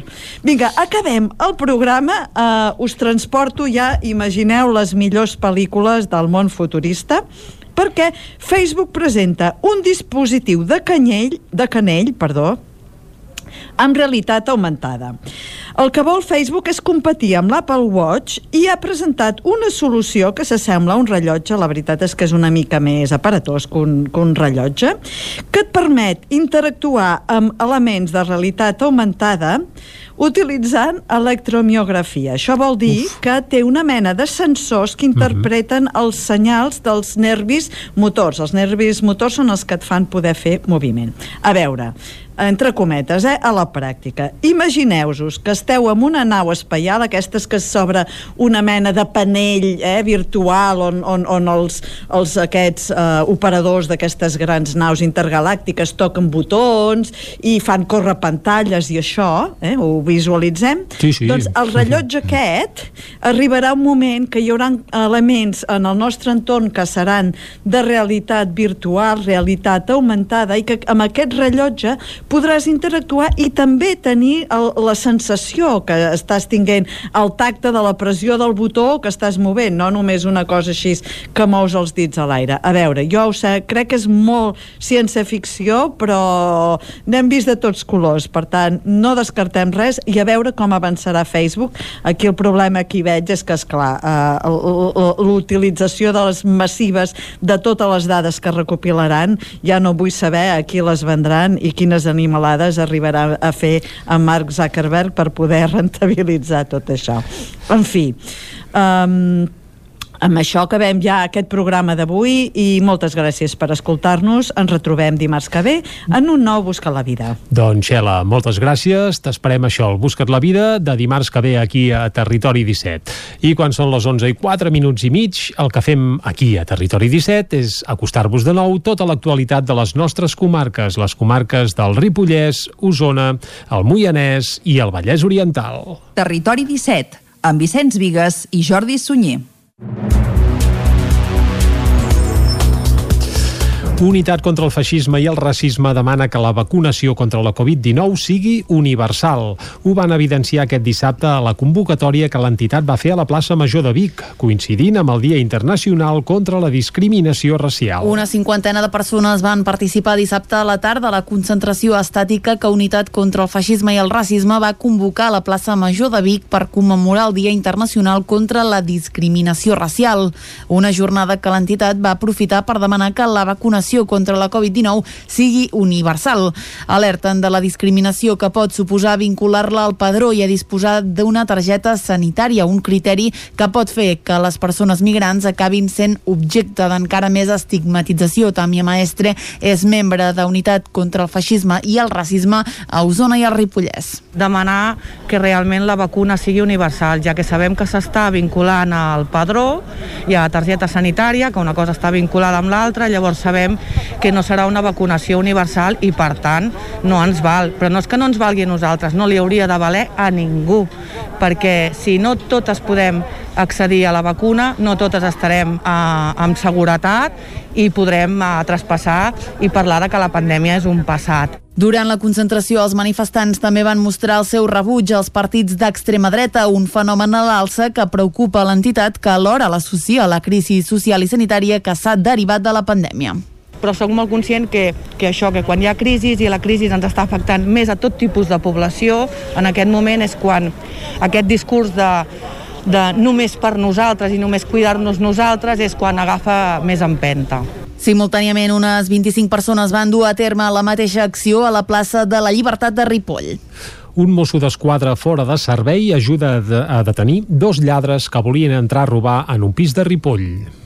Els Mossos d'Esquadra de la comissaria de Ripoll van detenir el passat dimecres, dia 17 de març, a dos homes veïns de Ripoll de 27 i 35 anys com a presumptes autors d'un delicte de robatori amb força a l'interior d'un domicili en grau de temptativa a Ripoll. Els fets van passar cap a les 9 del vespre d'aquell dia. En aquell moment, un agent dels Mossos que es trobava fora de servei va enxampar els lladres infragant i forçant la porta d'un pis del carrer Raval de l'Hospital, molt a prop del carrer Progrés i la sala Eudal Graells. Com que el mosso anava sol, va demanar suport a la comissaria i va barrar el pas dels lladres a la punta del carrer carrer. Quan les patrulles van arribar a la zona van localitzar els dos homes quan intentaven fugir i els van interceptar. Els lladres duien un embellidor de bombí doblegat, una broca de perforar ferro i una eina d'alumini amb punxa per descarcolar. La porta de la casa on havien intentat entrar estava totalment trencada per la zona del pany i hi havia escardissos de fusta per terra. Allà també hi havia diverses eines com una clau anglesa i un tornavís, a més del pany de la porta trencat per la meitat. Sortosament, si els lladres haguessin aconseguit entrar, no haurien trobat a ningú a l'interior de la casa en aquell moment. Els dos lladres altres van quedar detinguts, però un d'ells va ser traslladat a un centre hospitalari per ser atès d'unes ferides que s'havia fet al peu i on va quedar ingressat a l'espera d'una intervenció quirúrgica. Ben aviat serà citat per compareixer al jutjat que instrueix la temptativa de robatori. En canvi, l'altre detingut, que tenia antecedents, va passar el dia 18 de març a disposició del jutjat d'instrucció en funcions de Guàrdia de Ripoll. El proper dimarts, dia 6 d'abril, el Nou TV estrena un magazín d'actualitat en directe. En tornant de Setmana Santa, el Nou TV posarà en marxa una nova programació més ambiciosa i en la qual primaran més als directes. Es fa una clara aposta per la programació de tardes amb tres magazins on les connexions a l'exterior seran un dels seus principals actius. Un d'aquests nous productes, Torn de tarda, serà una coproducció entre la xarxa Canal Taronja Central, Televisió del Berguedà i el Nou TV, que presentat per Clàudia Dinarès posarà el focus diàriament en els punts informatius més rellevants d'Osona, al Bages, al Berguedà, al Moianès i al Solsonès, amb entrevistes, connexions i reportatges. Per fer possible el nou espai, el nou TV ha estrenat fa poques setmanes un nou plató que, a més d'oferir una imatge més contemporània compta amb la versatilitat necessària per fer d'annex entre continguts a l'exterior i a plató. En aquest nou espai s'hi farà el nou magazín i també els noticiaris, el nou informatiu i notícies en xarxa cap de setmana. El proper divendres s'emetrà la darrera edició de l'informatiu al dia Catalunya Central i la seva presentadora Natàlia Peix serà de nou la cara d'un renovat al nou informatiu que s'emetrà puntualment cada vespre a la franja que ara ocupa el nou magazín. El torn de tarda s'emetrà cada cada dia a dos quarts de set, just després de fer tamí de la nova proposta de la xarxa que es farà cada dia a partir de dos quarts de cinc de la tarda i del Connecticat, que a partir del 6 d'abril presentarà una profunda renovació per tancar la tarda entre les 7 i les 8. El nou TV també està treballant en la tercera temporada de Des del Campanar, que s'estrenarà en els propers mesos. Clara Peia va portar divendres la gira del seu 11è treball, Perifèria, a l'Atlàntida de Vic. La pianista i compositora va omplir la sala Ramon Muntanyà fins al màxim de l'aforament permès amb les restriccions anticovid. Acompanyada d'Enric Verdaguer a la veu, Vic Moliner al baix i Didac Fernández a la percussió, Peia va anar creant la seva particular atmosfera al llarg del concert que va passar per temes com Quién se atreve a hablar, Quan ens creiem àngels o Huracán. També hi va haver espai per Mujer Frontera, tema que ha compartit amb Alba Flores i Anna Tijous i que destina els beneficis al col·lectiu Jornaleres de Huelva en Lucha. I intenta parlar no de les perifèries només físiques, sinó també eh, les perifèries eh, emocionals, no? D'alguna manera intenta també mm, posar un altaveu o posar un foco a tots aquests espais eh, tan emocionals com físics que no el tenen. No? Estic molt contenta, en, ens hem disfrutat molt el bolo, és el que he dit, l'espai se sent superbé, eh, la gent estava entregada, estava tranquil·la i jo crec que s'han deixat portar pel, pel viatge musical, estic contenta. El concert de Clara Peia i dijous vinent l'actuació en streaming de Marala tanquen amb veu de dona l'itinerari en perspectiva de gènere amb sis propostes que l'Atlàntida ha programat des de mitjans de febrer i que ha tret a més de 2.000 persones. La façana de l'edifici s'ha il·luminat amb el color lila llarg de les setmanes que ha durat aquesta primera experiència que des del complex cultural consideren que ha de tenir continuïtat. El grup de teatre Till Tall de Llinars del Vallès torna a posar sobre l'escenari Veniu a mi, la passió de Llinars, l'única passió que es posa a dalt d'un escenari al Vallès Oriental i una de les úniques cinc que es fan a tot Catalunya aquest any, tot i que la Federació Catalana de Passions n'agrupa pràcticament una vintena. Aquest cap de setmana passat ja van fer les dues primeres representacions i tornaran a posar-la en escena aquest proper dissabte i diumenge. David Auladell, de Ràdio i Televisió, Cardedeu. Després de la suspensió de les representacions de l'any passat per la Covid, la Passió de Llinars es va posar a treballar amb l'objectiu de portar sobre l'escenari la representació que narra els últims dies de la vida de Jesús aquest any. En aquest cas ho fa a través del punt de vista de les dones en aquella època, donant importància a la paraula de forma senzilla i tendra. Aquest any, a més, les restriccions han fet que la paraula encara agafés més pes, refent parts del text i limitant-se a només 20 actors amb distància de seguretat. Reyes Barragán, autora i directora. Doncs hi havia personatges que s'havien d'eliminar, de, personatges que s'havien de fusionar, escenes que s'havien de treure o canviar, perquè, clar, eh, la normativa mm, imposa que no ens hem de tocar, llavors eh, tot era organitzar eh, la passió en funció de no ens podem tocar eh, i només podem ser 20. Llavors s'ha organitzat tot un moviment escènic d'aquesta manera per mantenir la distància eh, eh, en l'escenari i entre cametes anem amb mascareta i bé, ha sigut tota una feina de fusionar personatges, retallar i anar pensant tot aquest moviment escènic perquè no té res a veure com ho havíem fet fins ara, si no ens podem tocar doncs hi havia escenes molt, molt complexes la directora i autora de l'obra, Reyes Barragán, explica que per ells ha sigut una aventura i l'anomena la passió de la resistència, entre adaptacions de personatges i fins i tot amb els assajos als parcs, pàrquings, online o qualsevol espai fins l'obertura del teatre. A més, aquest any la companyia ha iniciat un canvi en el decorat que serà progressiu amb els anys. Mantenint l'essència de senzill i auster, l'estudi d'escenografia Castells Planes ha creat un terra nou simulant el desert de Galilea. L'última representació de diumenge de Rams es podrà seguir també per streaming comprant l'entrada a la web del Teatre Auditori de Llinars. Esports. Les instal·lacions del Vallès Club Caní d'Agility a la Torre Marimont de Caldes de Montbuí acullen un campionat amb la participació de 100 persones. Caral Campàs, des d'Ona Codinenca.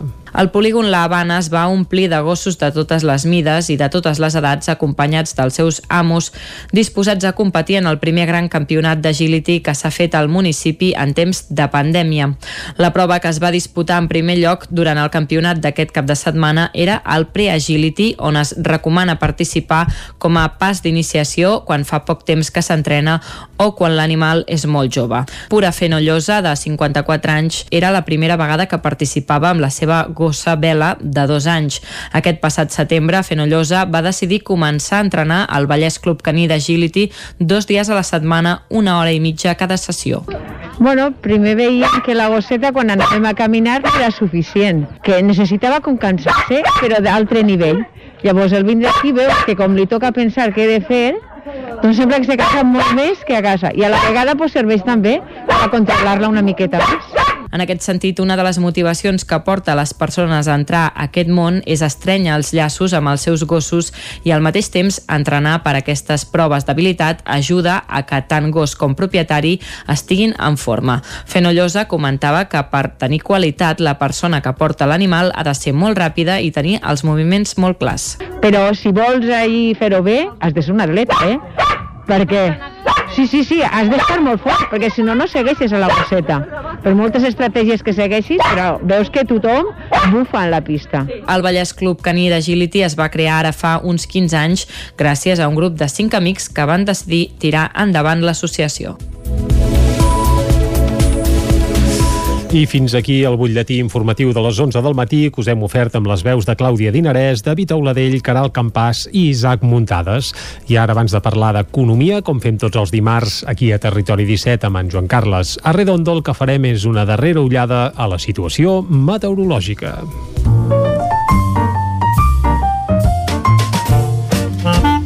Casa Terradellos us ofereix el temps. I per tant, tornem a saludar en Pep Acosta, que ens parlarà del temps que ens espera per a les properes hores. Molt bon dia, Pep.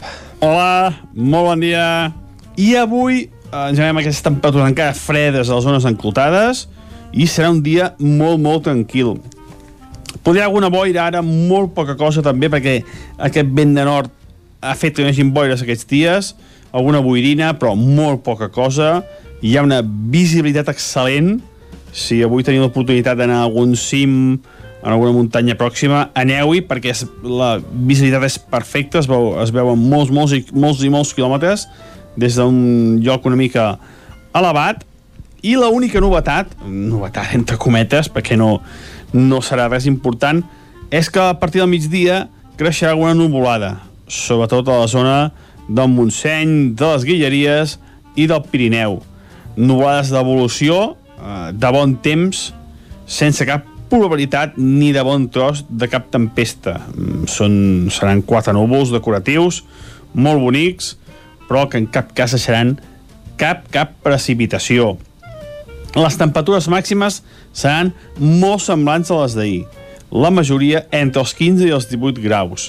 Molt homogènies, eh? La majoria de ciutats i pobles de les nostres comarques, això, entre els 15 i els 18 graus.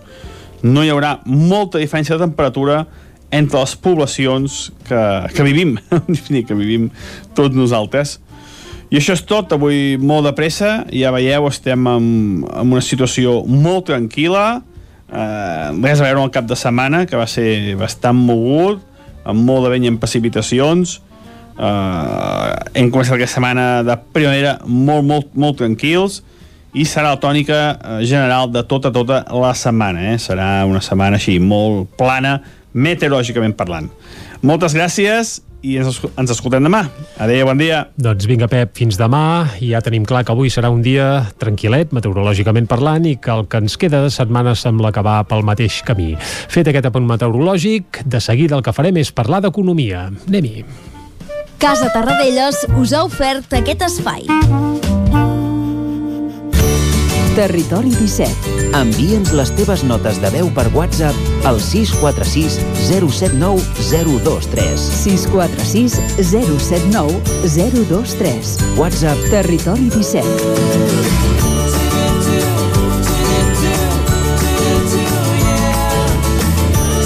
Territori 17.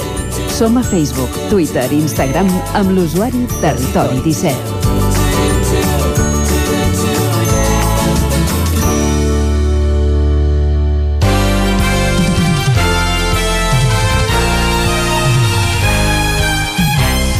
Doncs quan passen 4 minutets d'un quart de 12 del matí, saludem en Joan Carles Arredondo. Joan Carles, bon dia. Bon dia. De què ens parlaràs avui? Doncs eh, d'una cosa que, que està molt candent, eh, ara sentia que parlàveu del temps i que deien que avui hi hauria calma, doncs hi ha un tema amb el qual no hi ha calma, que és amb el, amb el tema de la regulació dels lloguers. Eh? eh, tenim un debat que està clarament sobre la taula i ho està sobre la taula del govern de l'Estat, perquè els socis d'aquest govern no acaben de posar-se d'acord amb, amb el que, de fet, era un dels pactes sobre els quals es va articular la, la coalició eh, de govern. I eh, també a Catalunya perquè una llei parlamentària aprovada el mes de setembre va acabar amb recursos judicials i, per tant, està sobre la taula, en aquest cas, dels tribunals. Mentre el debat polític i judicial, que massa, massa sovint, com sabem, estan barrejats, eh, eh, doncs, men mentre aquest debat dura, a peu de carrer s'arriba a la conclusió que calen millors solucions que mantenir la situació com està, eh, perquè està clar que hi ha greus dificultats d'accés a l'habitatge, per, per, sobretot per les capes socials més necessitades. Entre els debats del soci de govern i l'aturada de l'entrada en vigor de la llei catalana mentre els tribunals determinen si Catalunya té la competència per regular preus, que això és el que està en debat, les solucions per a la ciutadania estan pendents. Eh, deu ser difícil trobar algun sentit eh, als governs que no sigui que contribueixin a resoldre problemes dels ciutadans i aquest del lloguer n'és un. Però pel que s'està veient ara amb les discussions del govern espanyol o amb els recursos judicials de la normativa catalana, eh, es configura un camí en el qual les respostes de les administracions públiques eh, només fan que afegir problemes més que, més que donar solucions, no? No seria del tot just dir que les solucions són senzilles. Eh? Els interessos que es confronten a l'hora de regular el mercat del lloguer són legítims per les dues bandes, la dels propietaris i la dels llogaters, perquè els primers, eh, els propietaris, tenen un, un cert estigma, eh? com si fossin grans capitalistes que només busquen el lucre. Eh, per descomptat que hi ha propietaris d'aquest tipus, això no, és una cosa que no es pot negar, perquè hi ha fons de capital que han adquirit habitatges amb finalitats més especulatives que d'interès social, com, com hauria de pertocar l'habitatge. No? Però també és veritat que no són la majoria, eh, i de fet, eh, segons la Cambra de, Propietat, de la Propietat, eh, a Catalunya la major part dels 500.000 propietaris d'habitatges en disposició de, de, de ser llogats tenen entre un o dos immobles, en la majoria dels casos provenents d'herències o fruit dels seus mateixos estalvis. No, per tant, tampoc, diguem-ne, no estem parlant necessàriament de grans fons que, que estiguin, estiguin intentant collar, eh? Però, malgrat aquesta constatació, la llei catalana que pretenia regular el preu del lloguer assenyalava que en una seixantena de localitats catalanes hi ha hagut un creixement sostingut clarament superior a la mitjana de tota Catalunya, o bé els preus de lloguer eh, superen el 30% dels ingressos habituals de les llars, o bé han tingut increments de renda 3 punts per sobre de l'IPC en els últims 5 anys. Aquests, aquestes són les tres condicions per les quals eh, es considera la llei catalana assenyalava que un municipi eh, tenen una situació de mercat tens. Eh, a les nostres àrees podríem parlar de que aquesta és una situació que es produeix a Granollers, a Mollet, a Vic, a Manlleu. Eh? Doncs aquestes, mm, aquestes localitats que, que tenen el, això que s'anomena mercat tens comportaria segons aquesta llei catalana, ara, ara recorreguda, que hi hagués una intervenció pública per fixar uns preus de referència, és a dir, uns límits màxims a partir dels quals es considera que no es poden fer lloguers.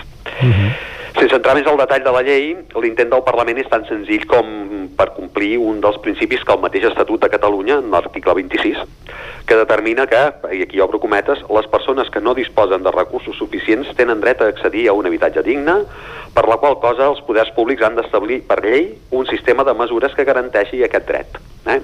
Aquí tenim gairebé una obligació que, eh, que, que comporta el mateix marc regulatori, ara mateix l'Estatut, eh, potser en un futur seria una Constitució, eh, vés a saber, però diguem-ne que el marc normatiu màxim, eh, el, el, el de l'Estatut, determina això, que el poder públic ha de, ha de poder garantir el dret a l'accés a l'habitatge. Al voltant d'aquest principi, que també es recull a la Constitució de l'estat espanyol, els passos fets fins ara um, han aconseguit uns resultats que les estadístiques conviden a posar en qüestió. De fet, les xifres mostren que mentre la majoria dels països europeus, almenys els considerats més avançats, el lloguer està més estès, a l'estat espanyol està a la cua en quantitat d'habitatges de lloguer. A Alemanya, el 48% de la població viu en habitatges de lloguer i la majoria dels països centreeuropeus estan en nivells en els quals el lloguer és la fórmula escollida en un de cada tres habitatges. A l'estat espanyol, en canvi, registra, els, els índexs que es registren estan per sota del 25% i està per darrere d'altres països del sud, eh, potser també amb la mateixa tradició de, de, de, de, de fomentar la propietat, com Itàlia, com Grècia o, com- o com Portugal, i només està per davant dels països de l'est, eh, el tema de la propietat el deuen tenir com, com més integrat de, després de, de, de, de tant de temps de, de, de règim comunista, no? Aquesta regulació, la regulació que, que, que s'està intentant tirar endavant, no implica necessàriament que l'Estat sigui el que marqui els preus que han de tenir l'habitatge. Pot haver-hi altres fórmules que vagin més enllà de la coacció sobre els propietaris i que incentivin que el parc d'habitatges es pugui posar a disposició de qui el necessita. De fet, hi ha experiències en altres països en els quals s'han pres mesures en el mateix sentit, eh, de, de, de, de regular els preus, que no han estat exactament reeixides. Eh? Es, sempre es posa l'exemple de Berlín, es posa l'exemple de Suècia, això, qui vulgui el conse- mm, consultar literatura, hi ha molta literatura publicada sobre aquest tema i es veu que tampoc és, eh, diguem-ne, la, la, la sortida que provoqui eh, descensos de pisos. Hi ha desajustos que van en contra del sentit últim de la intervenció estatal, com és facilitar l'emancipació de joves o la taxa de, de fertilitat, que en tots els casos tenen efectes econòmics eh, positius i que no es poden materialitzar si els preus dels pisos són massa alts. En aquest sentit, bonificacions tributàries o mesures coercitives contra els propietaris de pisos que porten massa temps efectivament buits serien un pas en la línia de propiciar que l'oferta de l'habitatge fos més elevada i la temptació d'imposar re- re- rendes elevades es reduís. També en el mateix sentit, la intervenció pública en la promoció d'habitatges apuntaria a la mateixa disposició eh, d'incrementar l'oferta. Aquestes i altres mesures esperen mentre els governs de torn es discuteixen i mentre les lleis ja aprovades tenen recursos judicials. Els debats haurien de ser més profitosos perquè la urgència per la ciutadania per i per aconseguir els efectes beneficiosos d'una política que faciliti l'accés a l'habitatge és cada vegada més perceptible. Calen, per tant, decisions eh, perquè si alguna cosa deixa clara l'experiència és que per la ciutadania la, la pitjor de les solucions és deixar les coses com estan. Que com estan és amb preus molt elevats de, de l'habitatge i moltes dificultats. Ah, anava a dir, Joan Carles, que ara mig perdíem, però t'hem recuperat, t'hem recuperat. Vale, no, no, som aquí, som aquí, encara, sí, encara, sí, sí, encara sí, sí, no, encara coses de les connexions telefòniques, sí, sí, hi ha hagut un, un invent aquí que, que vaja, com els lloguers, eh, la regulació, doncs també la connexió també ens ballava una mica. Sí, sí, sí, balla, balla, molt, sí. doncs això, deixar les coses com estan no sembla que sigui la millor de les mesures i sembla que mm, les polítiques ara mateix tendeixen a anar derivant, a anar escampant el debat, no? a, a, a, a que es mantingui eh, sense aportar solucions. I em fa l'efecte que aquesta és la, la pitjor solució que pot haver-hi. No? És a dir, el pitjor que podem fer és no fer res, que és el que s'està fent, entre cometes, una mica ara. No? Ah, exactament. Uh -huh. Sí, sí, anar, anar allargant debats i, i això, que, això que això era un, un element nuclear, no?, sembla, del, del pacte que hi ha com a mínim en el govern de l'Estat. Doncs bé, avui en Joan Carles que ens ha denunciat una mica la situació de la regulació del preu dels lloguers a l'estat espanyol on el més calent continua a l'aigüera. Joan Carles, moltes gràcies per acompanyar-nos una setmana més aquí a Territori 17. T'esperem dimarts que ve. Molt bé, moltes gràcies a vosaltres. I nosaltres ara el que fem és de nou una petita pausa. Tornem a dos quarts en punt descobrint algun racó de Catalunya. Fins ara mateix. El nou FM, la ràdio de casa, al 92.8. Vine a Autoscola Montseny i t'informarem de les nostres ofertes. Permís de moto 16 anys amb 4 pràctiques des de 399 euros. Permís de moto 18 anys amb 4 pràctiques des de 425 euros. Permís de cotxe amb 10 pràctiques des de 460 euros. I si vens amb un amic, et regalem una pràctica. Per més informació, Autoscola Montseny, a la Rambla de Vallades 13, primer segona de Vic, al telèfon 93 885 45 88 i també a Facebook i Instagram. Autoscola Montseny us desitja un bon mercat del ram. Són temps de reptes. A la Fogonera n'hem aconseguit 3. Servir arrossos d'estrella per emportar i a un preu de justícia. Aquest hivern tenim l'arròs de calçots en tempura. La Fogonera, la rosseria de paelles per emportar a GURB i que també et portem a casa. Telèfon 93 851 55 75 i a lafogonera.cat. I quan cau la nit, Pupurri Culinari, solucions per sopar les nits de divendres i dissabte. Entra a pupurriculinari.cat i tria. Passema, comercial de maquinària i utillatges amb més de 50 anys al vostre servei. Visiteu la nostra botiga i trobareu productes de gran qualitat. Passema, som al polígon Sot dels Pradals, al carrer Cervera 10 de Vic. Telèfon 93 885 32 51. Passema us desitja un bon mercat del ram. A Vic, T52, un taller d'emocions. Una celebració, un reconeixement, un record, la victòria, el premi. Tenim una solució personalitzada per a cada ocasió. Ens trobaràs al centre, al carrer 941 i també a l'Horta Vermella, al carrer Menéndez Pelayo 31. Més informació a t52.cat. La Generalitat de Catalunya posa en marxa un nou pla d'ajuts directes de més de 600 milions d'euros. Per les persones treballadores autònomes, la prestació serà de 2.000 euros. Les micro i petites empreses rebran 2.000 euros per cada treballador en ERTO. Les persones treballadores en ERTO rebran un ajut d'uns 600 euros. També es destinaran 25 milions d'euros en ajuts a la formació per treballadors i treballadores en ERTO i altres ajuts per sectors amb restriccions com a conseqüència de la situació epidemiològica. Informa't a economia.gencat.cat. Generalitat de Catalunya. Pintures Xevi Soler. Tot en pintures. Façanes, obra nova, rehabilitacions interiors de vivenda, estucs, microciments, pintura industrial, motllures, terres vinílics... Pintures Xevi Soler. Ens agrada assessorar-vos i fer de casa vostra el millor lloc del món. Ens trobareu a Manlleu, al carrer Sogorb 113, telèfon 616 15 87 33 o 93 851 3504.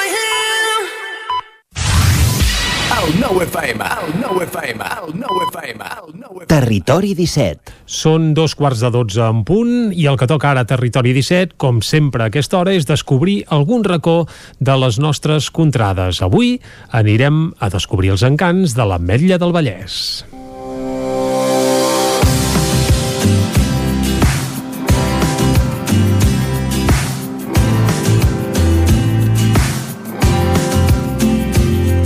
L'Ametlla del Vallès és una vila situada a la comarca del Vallès Oriental, entre les valls del riu Congost i del Tenes i al peu de la serralada prelitoral, al sud dels cingles de Bertí.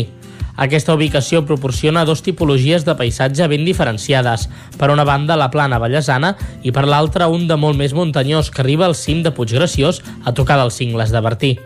L'Ametlla del Vallès gaudeix d'un clima mediterrani i un dels seus principals atractius és el seu patrimoni modernista amb Joaquim Manuel Raspall com a arquitecte municipal, passant de ser un poble de caràcter rural a una vila d'estiueig a principis del segle XX, per acabar esdevenint un centre de segones residències. Per descobrir les seves fantàstiques cases modernistes es pot fer a través de la ruta del modernisme d'estiuetge a l'Ametlla del Vallès. Cal destacar també l'important nombre de masies existents i la rellevància del patrimoni natural del poble.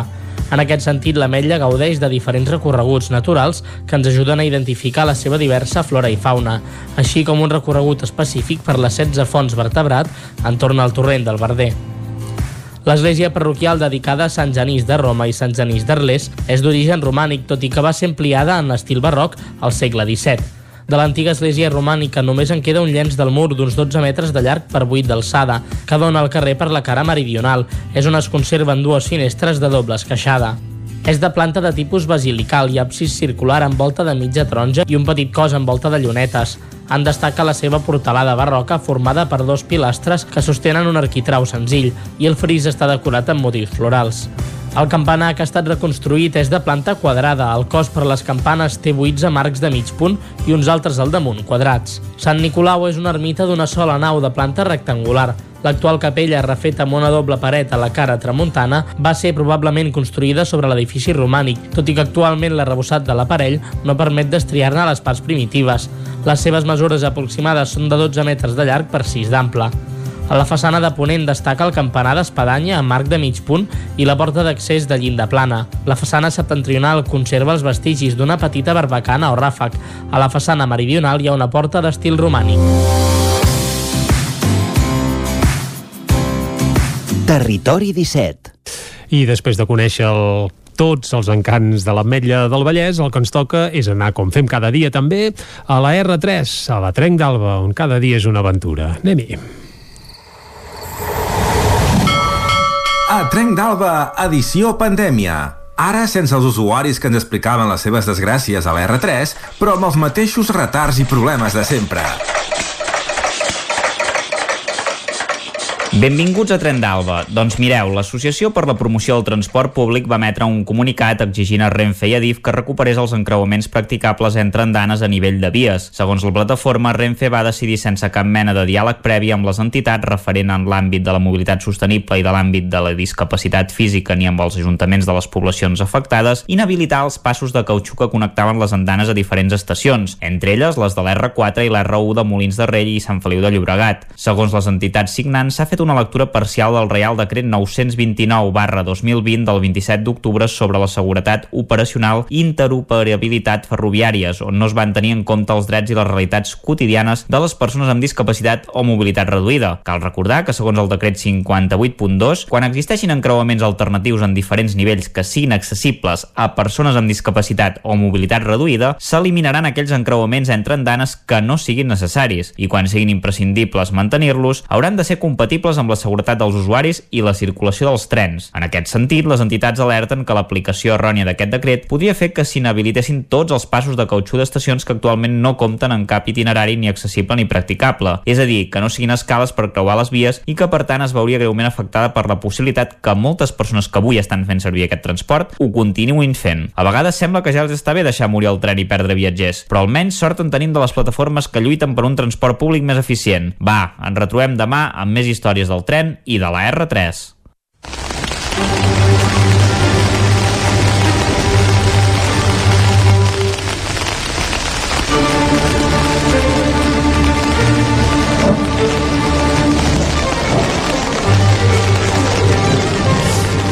I quan passen 5 minuts de dos quarts de 12 és el moment de parlar de medi ambient, com fem tots els dimarts aquí a Territori 17 i un cop al mes ens acompanyen els amics del Centre d'Estudis dels Rius Mediterranis. Avui saludem el seu coordinador, el Marc Ordeig. Marc, molt bon dia.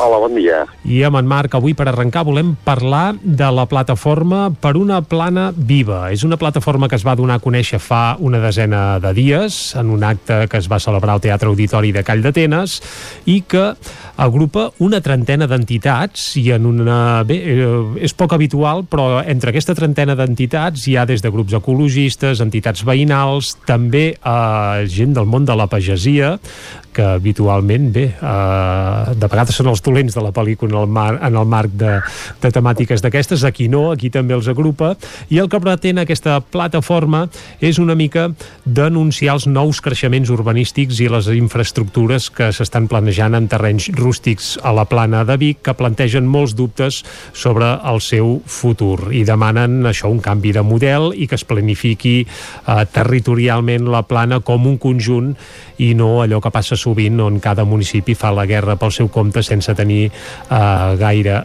en compte doncs això, el conjunt de la plana i segurament de tota la comarca. En volem parlar una mica de tot plegat amb el Marc perquè és un molt bon coneixedor de tot plegat. Uh, Marc, suposo que celebres eh, la iniciativa del naixement d'una plataforma com per una plana viva? Sí, sí, és, és, una, és una iniciativa que, que feia i fa molta falta perquè eh, val la pena que reflexionem a veure quin, quin, quin país volem, quin entorn volem, quina, quina plana volem, eh? perquè doncs, eh, no, no totes les coses que es fan d'inèrcia a vegades les fem correctament i sobretot el que, el que ara toca és pensar quin paisatge, quina biodiversitat, quin ús fem de, dels terrenys agrícoles, de, de, de tot l'entorn, aquests, aquests turonets que queden enmig dels camps, els torrents, els recs, etc. Si volem que això es converteixi en un paisatge industrial, o un paisatge agrari millor també que el que tenim ara.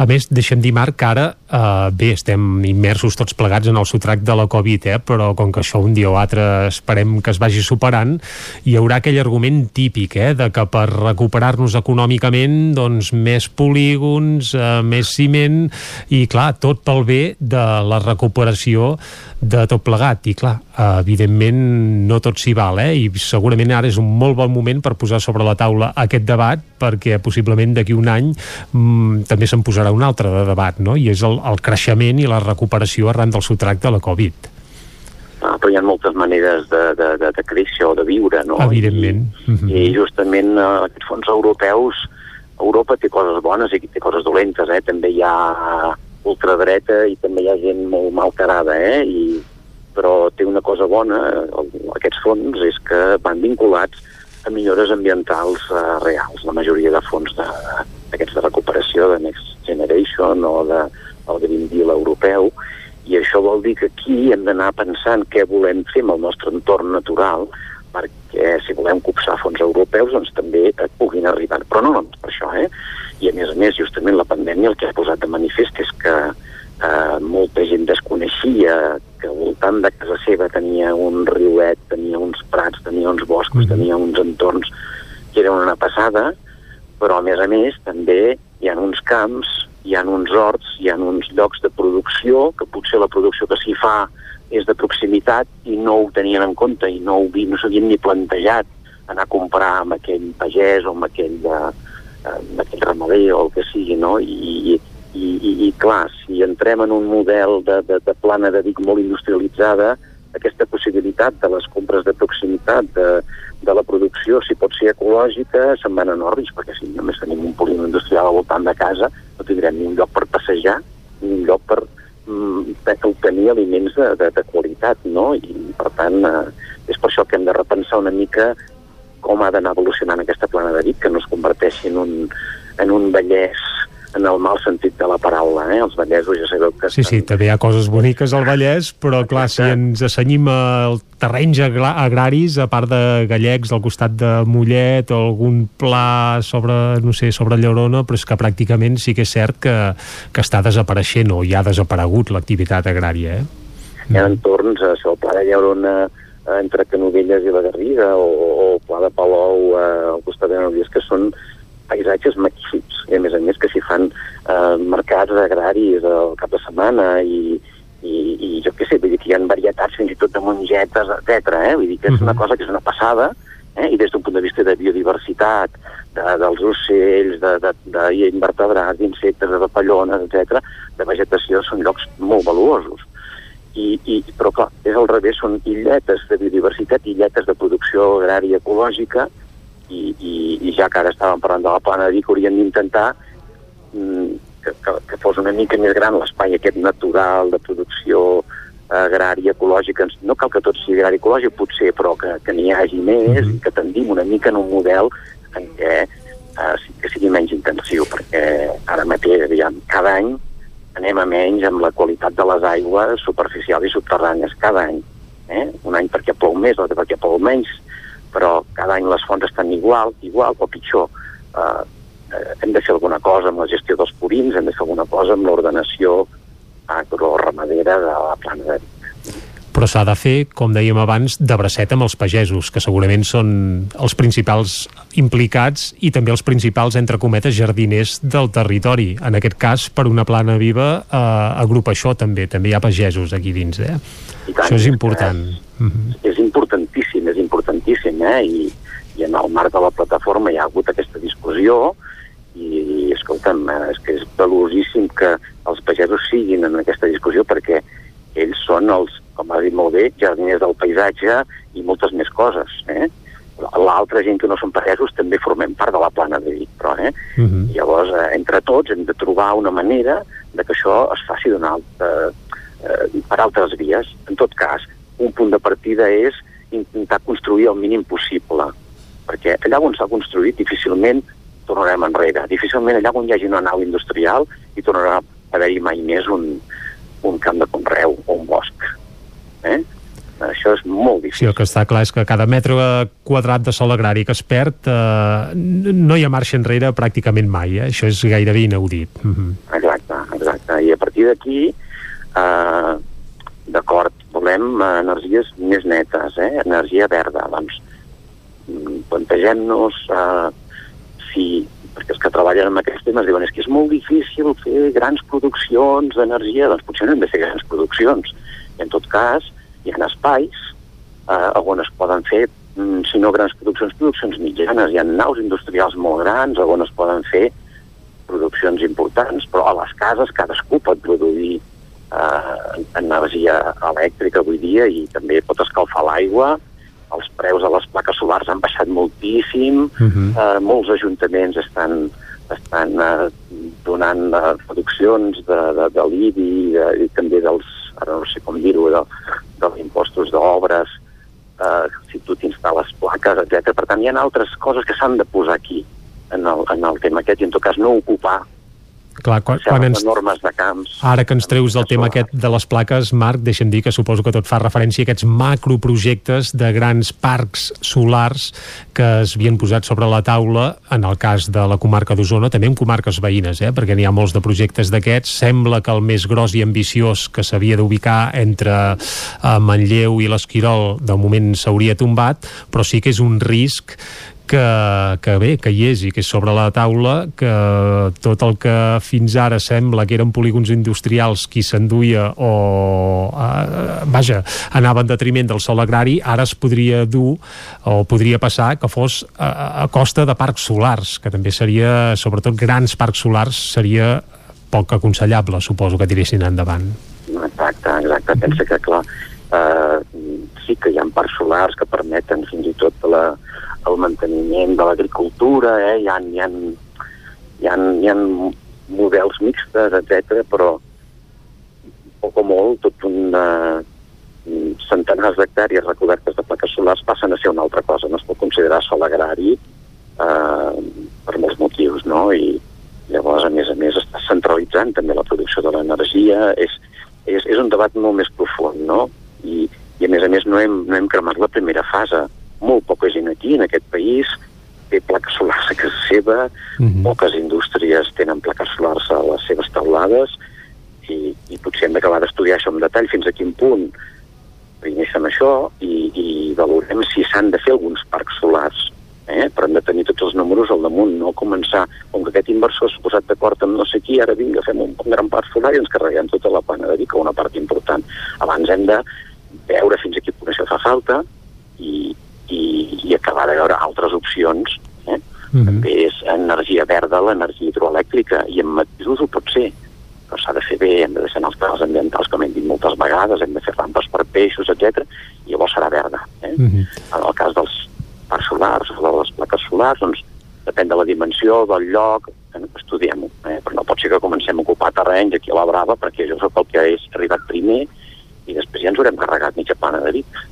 Uh, deixa'm dir que sovint hem parlat aquí amb tu Marc mateix doncs, de que la biodiversitat, si més no, els nostres rius sembla que mica en mica sí que van millorant, en canvi els ambients agraris, és a dir, si ens allunyem dels rius i entrem una mica al, a l'interior de la plana de Vic o comarques veïnes, uh, no ha passat el mateix. La biodiversitat als ambients agraris últimament uh, anem de mal en borràs i estem perdent en aquest sentit, oi que sí? Estem anant molt malament, no malament, molt malament. Sí? Estudis fets des de principis de segle, del segle XXI, des del 2002 fins ara, Uh -huh. demostren una desaparició de, entorn de la meitat de les espècies. Tant? Això és moltíssim, aquest- no? És una animalada, és una Mhm. animalada. Eh? Uh, canvia si parlem de papallones, que d'ocells, etc, però d'aquest ordre. És, un, és una animalada. Eh? Llavors, uh, és molt fàcil. Si alguns que tenim uns anys tirem enrere, ens imaginem com eren els camps de la plana de Vic tan sols fa 30 anys, Clar, i perdius i guatlles n'havíem vist alguna. Ara, per exemple, això és pràcticament Ah, ja. impossible. perquè una, una golla una perdiu on va pondre els ous? Enmig del blat, no, ella pon els ous en aquests marges, en aquests trossos que hi havia una mica de farigola, que hi havia argelagues, en aquests llocs, tot això no existeix. Ara hem fet camps enormes, seguits, no hi ha marges, no hi ha zones ermes, eh? No hi ha eh, franges amb, amb boms o amb altres tipus d'arbres que on es poden aturar els ocells, on es poden amagar els erissons o els rèptils o el que sigui. Hem fet una superfície que és una mena de desert verd de blat o d'ordi, eh? amb plaguicides, que no hi hagi res que no sigui allò, i sí que hi ha algun ocell, sí que hi ha alguna espècie, eh? però, però n'hi ha molta menys que tan sols fa 20 anys. És, és un canvi de 20 anys. Abans també, eh? Mhm. Ja no et parlo de 40 i de 50. Eh? Els canvis van començar al segle XIX, eh? amb la intensificació de l'agricultura, però els últims 20 anys ha sigut bestial, bestial. Home, de rapinyaires sí que sembla que se'n veu algun més, no? O no? Bueno, O hi ha, és una- canvis, hi, ha, hi ha coses bones, eh, també, perquè ara la gent és més respectuosa i, i no, no... Sempre hi ha algun benet, però en general la gent no, no li fum un tret amb un rapinyaire, eh, o amb un bernat pescaire, o amb una cigonya, i aquests grups, eh, els, els, els grans pescaires, les cigonyes o els rapinyaires, doncs fins i tot pots, pots estar a prop seu i no s'espanten perquè ja saben que la gent no els dirà res i es reprodueixen i alguns d'aquests van en augment. Eh? Ho estem veient als rius, per exemple, no? que uh -huh. hi ha una colònia de bernats pescaires molt important aquí a les Masies de Voltregà que, que arriben a criar-hi més de 300 parelles a prop del riu i que menja peixos, etc i va creixent i cada any va augmentant o amb els censos que es fan de ligots a la plana de Vic o altres espècies van augmentant. Però, per exemple, per exemple, no és un exemple, eh? Posem un exemple, va. És una, és una mena de, de mussol molt gros, que abans era abundantíssim, Mhm. quan dic abans, vull dir fa 20 anys, ara pràcticament no n'hi ha cap parella a la plana de Vic, perquè com que s'alimenten de rates i, i, i altres mamífers, mamífers nocturns, eh, rosegadors que hi ha al voltant de les cases de pagès, etc, el, se- sembla que els, els, els matarrates que els hi han donat els ha afectat també amb ells i pràcticament han desaparegut. És un exemple, eh? Mhm. però han desaparegut aquests, han desaparegut eh, ocells, com deies abans, les gotlles, les perdius, altres ocells que vivien oh, en aquestes vores de camp, els, els bitxacs, molts ocellets petitons que, que, que, que crien i que s'alimenten de, de petits eh, invertebrats que hi ha als camps van desapareixent. I qui diu animals, diem plantes, eh? Moltes plantes que vivien en els mars i que la gent els aprofitava, eh, els camps de gallarets, ara no veiem camps de gallarets perquè ja s'hi posa herbicida, etc. Hem simplificat molt, molt, molt el paisatge agrari, ara és verd només de blat o d'ordi, a l'estiu i la tardor de blat de moro o de sort i res més. I això també és una pèrdua paisatgística, cultural i de biodiversitat, sobretot de biodiversitat bestial. Clar, aquí potser la feina que s'ha fet, entre cometes, als rius, caldria fer-la també en aquests ambients agraris, no? on segurament no hi ha tanta consciència per part de la població en general doncs, d'aquesta pèrdua a la qual ens, has, ens estàs fent referència, perquè és evident que és un, un discurs que ha arrelat poc i que la gent ho coneix poc, tota aquesta pèrdua de biodiversitat a l'entorn agrari en el cas d'Osona, però suposo que en comarques veïnes també deu passar bastant el mateix. Sí, sí. Ara justament hi ha una discussió ben, ben propera que és a Vic, al Puig dels Jueus, per exemple. El Puig dels Jueus és aquest espai que queda darrere, a darrere de l'Hospital Mhm. eh, Universitari de Vic que eh, és un lloc que encara conserva aquest paisatge d'abans. Eh? És un lloc que encara tu vas a passejar i veus un pilot d'ocells, veus conills, veus eriçons, veus galàpets, hi ha un parell de bassetes amb galàpets, etc. Uh, I dius, ostres, això em recorda, sí, em recorda com era tota la plana de Vic fa 20, 30, 40, 50 anys. Eh? I justament l'Ajuntament està fent això, un projecte per discutir doncs, amb tot els, amb tot l'entorn veïnal i d'associacions, etc a veure ja com pot endreçar allò eh, que queda dins de Vic, que sigui un parc, però que sigui un, un, com era el paisatge, o sigui, que mantenir com era el paisatge aquest natural mm -hmm. i agrari, però més respectuós, no? Així és una mica com podria ser el paisatge de la Plana de Vic, o com hauria de ser, mantenint usos, mantenint activitat econòmica, des d'un punt de vista agrari, però amb marges, etc etc. Uh, per una plana viva uh, va néixer això fa una desena de dies, és tot molt recent però si uh, l'haguéssim de posar allò, entre cometes deures a la nova plataforma i els haguéssim de resumir amb dos o tres punts, quins creus que serien els prioritaris per precisament fer realitat que la plana de Vic continuï viva? Quins haurien de ser els principals focus on posar l'atenció? si ho hagués sabut em hagués imprès. Amb el telèfon no m'ho puc mirar, em hagués imprès els punts, no? Però un, sobretot, és eh, que hi hagi algun organisme supramunicipal, més enllà de les batalletes de cada municipi, que, d'acord amb tots els actors, doncs, endreci quines àrees s'han d'urbanitzar i quines no, en funció del seu valor agrícola, per una banda, i de biodiversitat per una altra. Això és endreçar-ho. Eh? A partir d'aquí, doncs també eh, posar d'acord els sectors per intentar treballar per restaurar aquest paisatge que a la part on no s'hagi d'industrialitzar, que no s'hagi de construir, a veure aquest paisatge com el fem que sigui més natural, perquè el que tenim ara tampoc funciona bé. Eh, jo crec que aquestes dues coses eh, són importantíssimes. Per una banda, ordenar i per una altra, actuar per revertir aquest paisatge eh, que sembli més aquest paisatge del Puig dels Jueus que no pas el paisatge que tenim al cor de la plana de Vic tan homogeni, no? I donar ajuts. Eh? Jo no soc especialista en, en, en agricultura, però sí que hi ha els ajuts de la PAC que fins ara eh, mm, teòricament anaven associats a intentar que l'entorn del, de pagès respectés marges, etc. però a la pràctica això no feia falta fer-ho. Doncs la, els ajuts de la PAC haurien d'anar en la línia de sí, s'ha de poder treballar amb tractors moderns, grossos, etc, però també hem de poder recuperar alguns marges i, i afavorir pràctiques agrícoles, agràries, de ramaderia i d'agricultura més respectuoses amb el medi ambient. Si no pot ser ecològic, doncs que sigui integrat. Pràctiques integrades que redueixin el mínim l'ús de plaguicides, insecticides, herbicides, etc. Per aquí jo crec que és per on hauríem d'anar. Uh, I som a temps encara, Marc, o ja es comença a fer tard en aquest sentit? Mira, se- sens dubte, la natura és molt, és molt plàstica.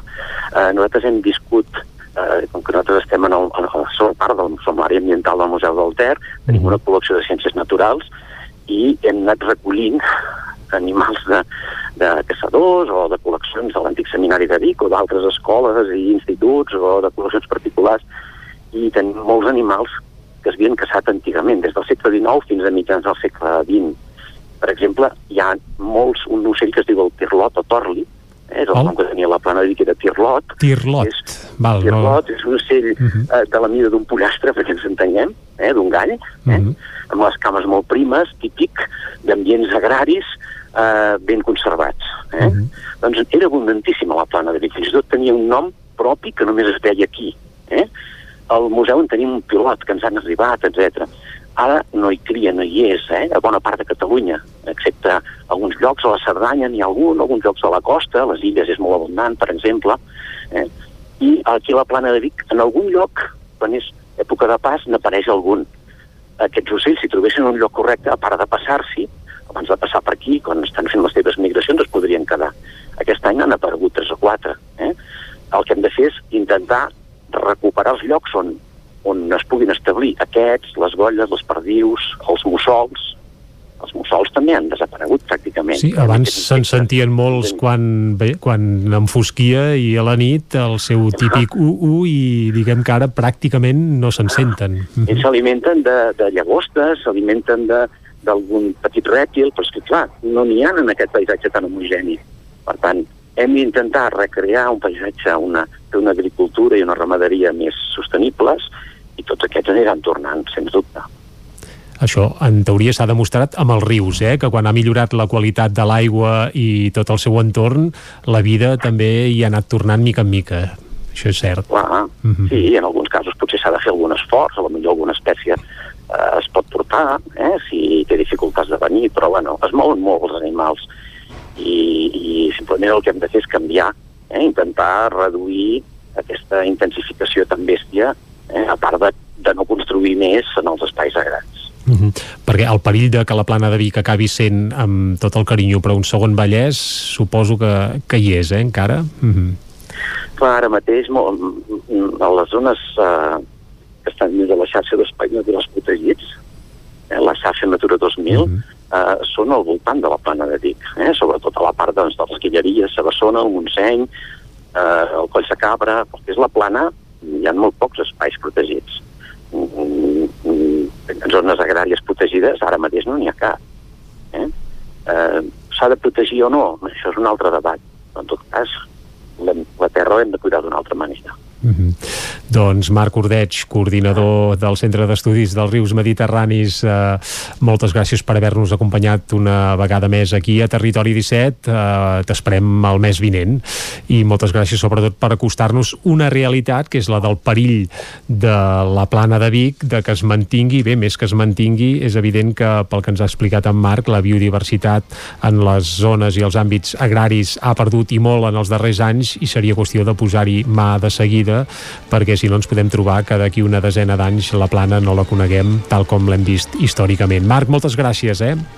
Moltes gràcies a vosaltres. Que vagi bé. Vinga, moltes gràcies. Adéu-siau. Uh, adéu-siau, en Marc Ordeig, que ens ha acompanyat, com fa sempre un cop al mes aquí a Territori 17, i amb ell hem parlat sobretot de la plataforma per una plana viva, una plataforma que es va donar a conèixer ara fa una desena de dies a la plana de Vic i que reclama una millor planificació del que és tot l'entorn de la comarca d'Osona per evitar l'especulació urbanística i sobretot que s'edifiqui en tants i tants paratges d'interès agrari i també d'interès ecològic. Tant de bo es pugui dur a terme tot plegat i podem continuar mantenint el caràcter de la plana durant molts i molts anys. Ara nosaltres aquí, a Territori 17, el que ens toca ja és enfilar la part final d'un programa i ens acomiadarem això sí, recordant que hem fet el programa, com sempre, amb Vicenç Vigues, amb la Clàudia Dinarès, amb David Auladell, amb la Caral Campàs, Isaac Muntades, també ens ha acompanyat avui la Txela Falgueres, en Joan Carles Arredondo, en... també hem tingut el Bernat Vilaresau, amb qui hem conversat sobre el mercat del Ram de Vic, i per acabar hem parlat amb el Marc Ordeig del Centre d'Estudis dels Rius Mediterranis. Nosaltres tornarem demà i serem, com sempre, des de les 9 del matí i fins a les 12 del migdia. Salut i a reveure. Fins demà. Territori 17, un magazín del nou FM. La veu de Sant Joan. Ona Codinenca i Ràdio Cardedeu amb el suport de la xarxa. El nou FM.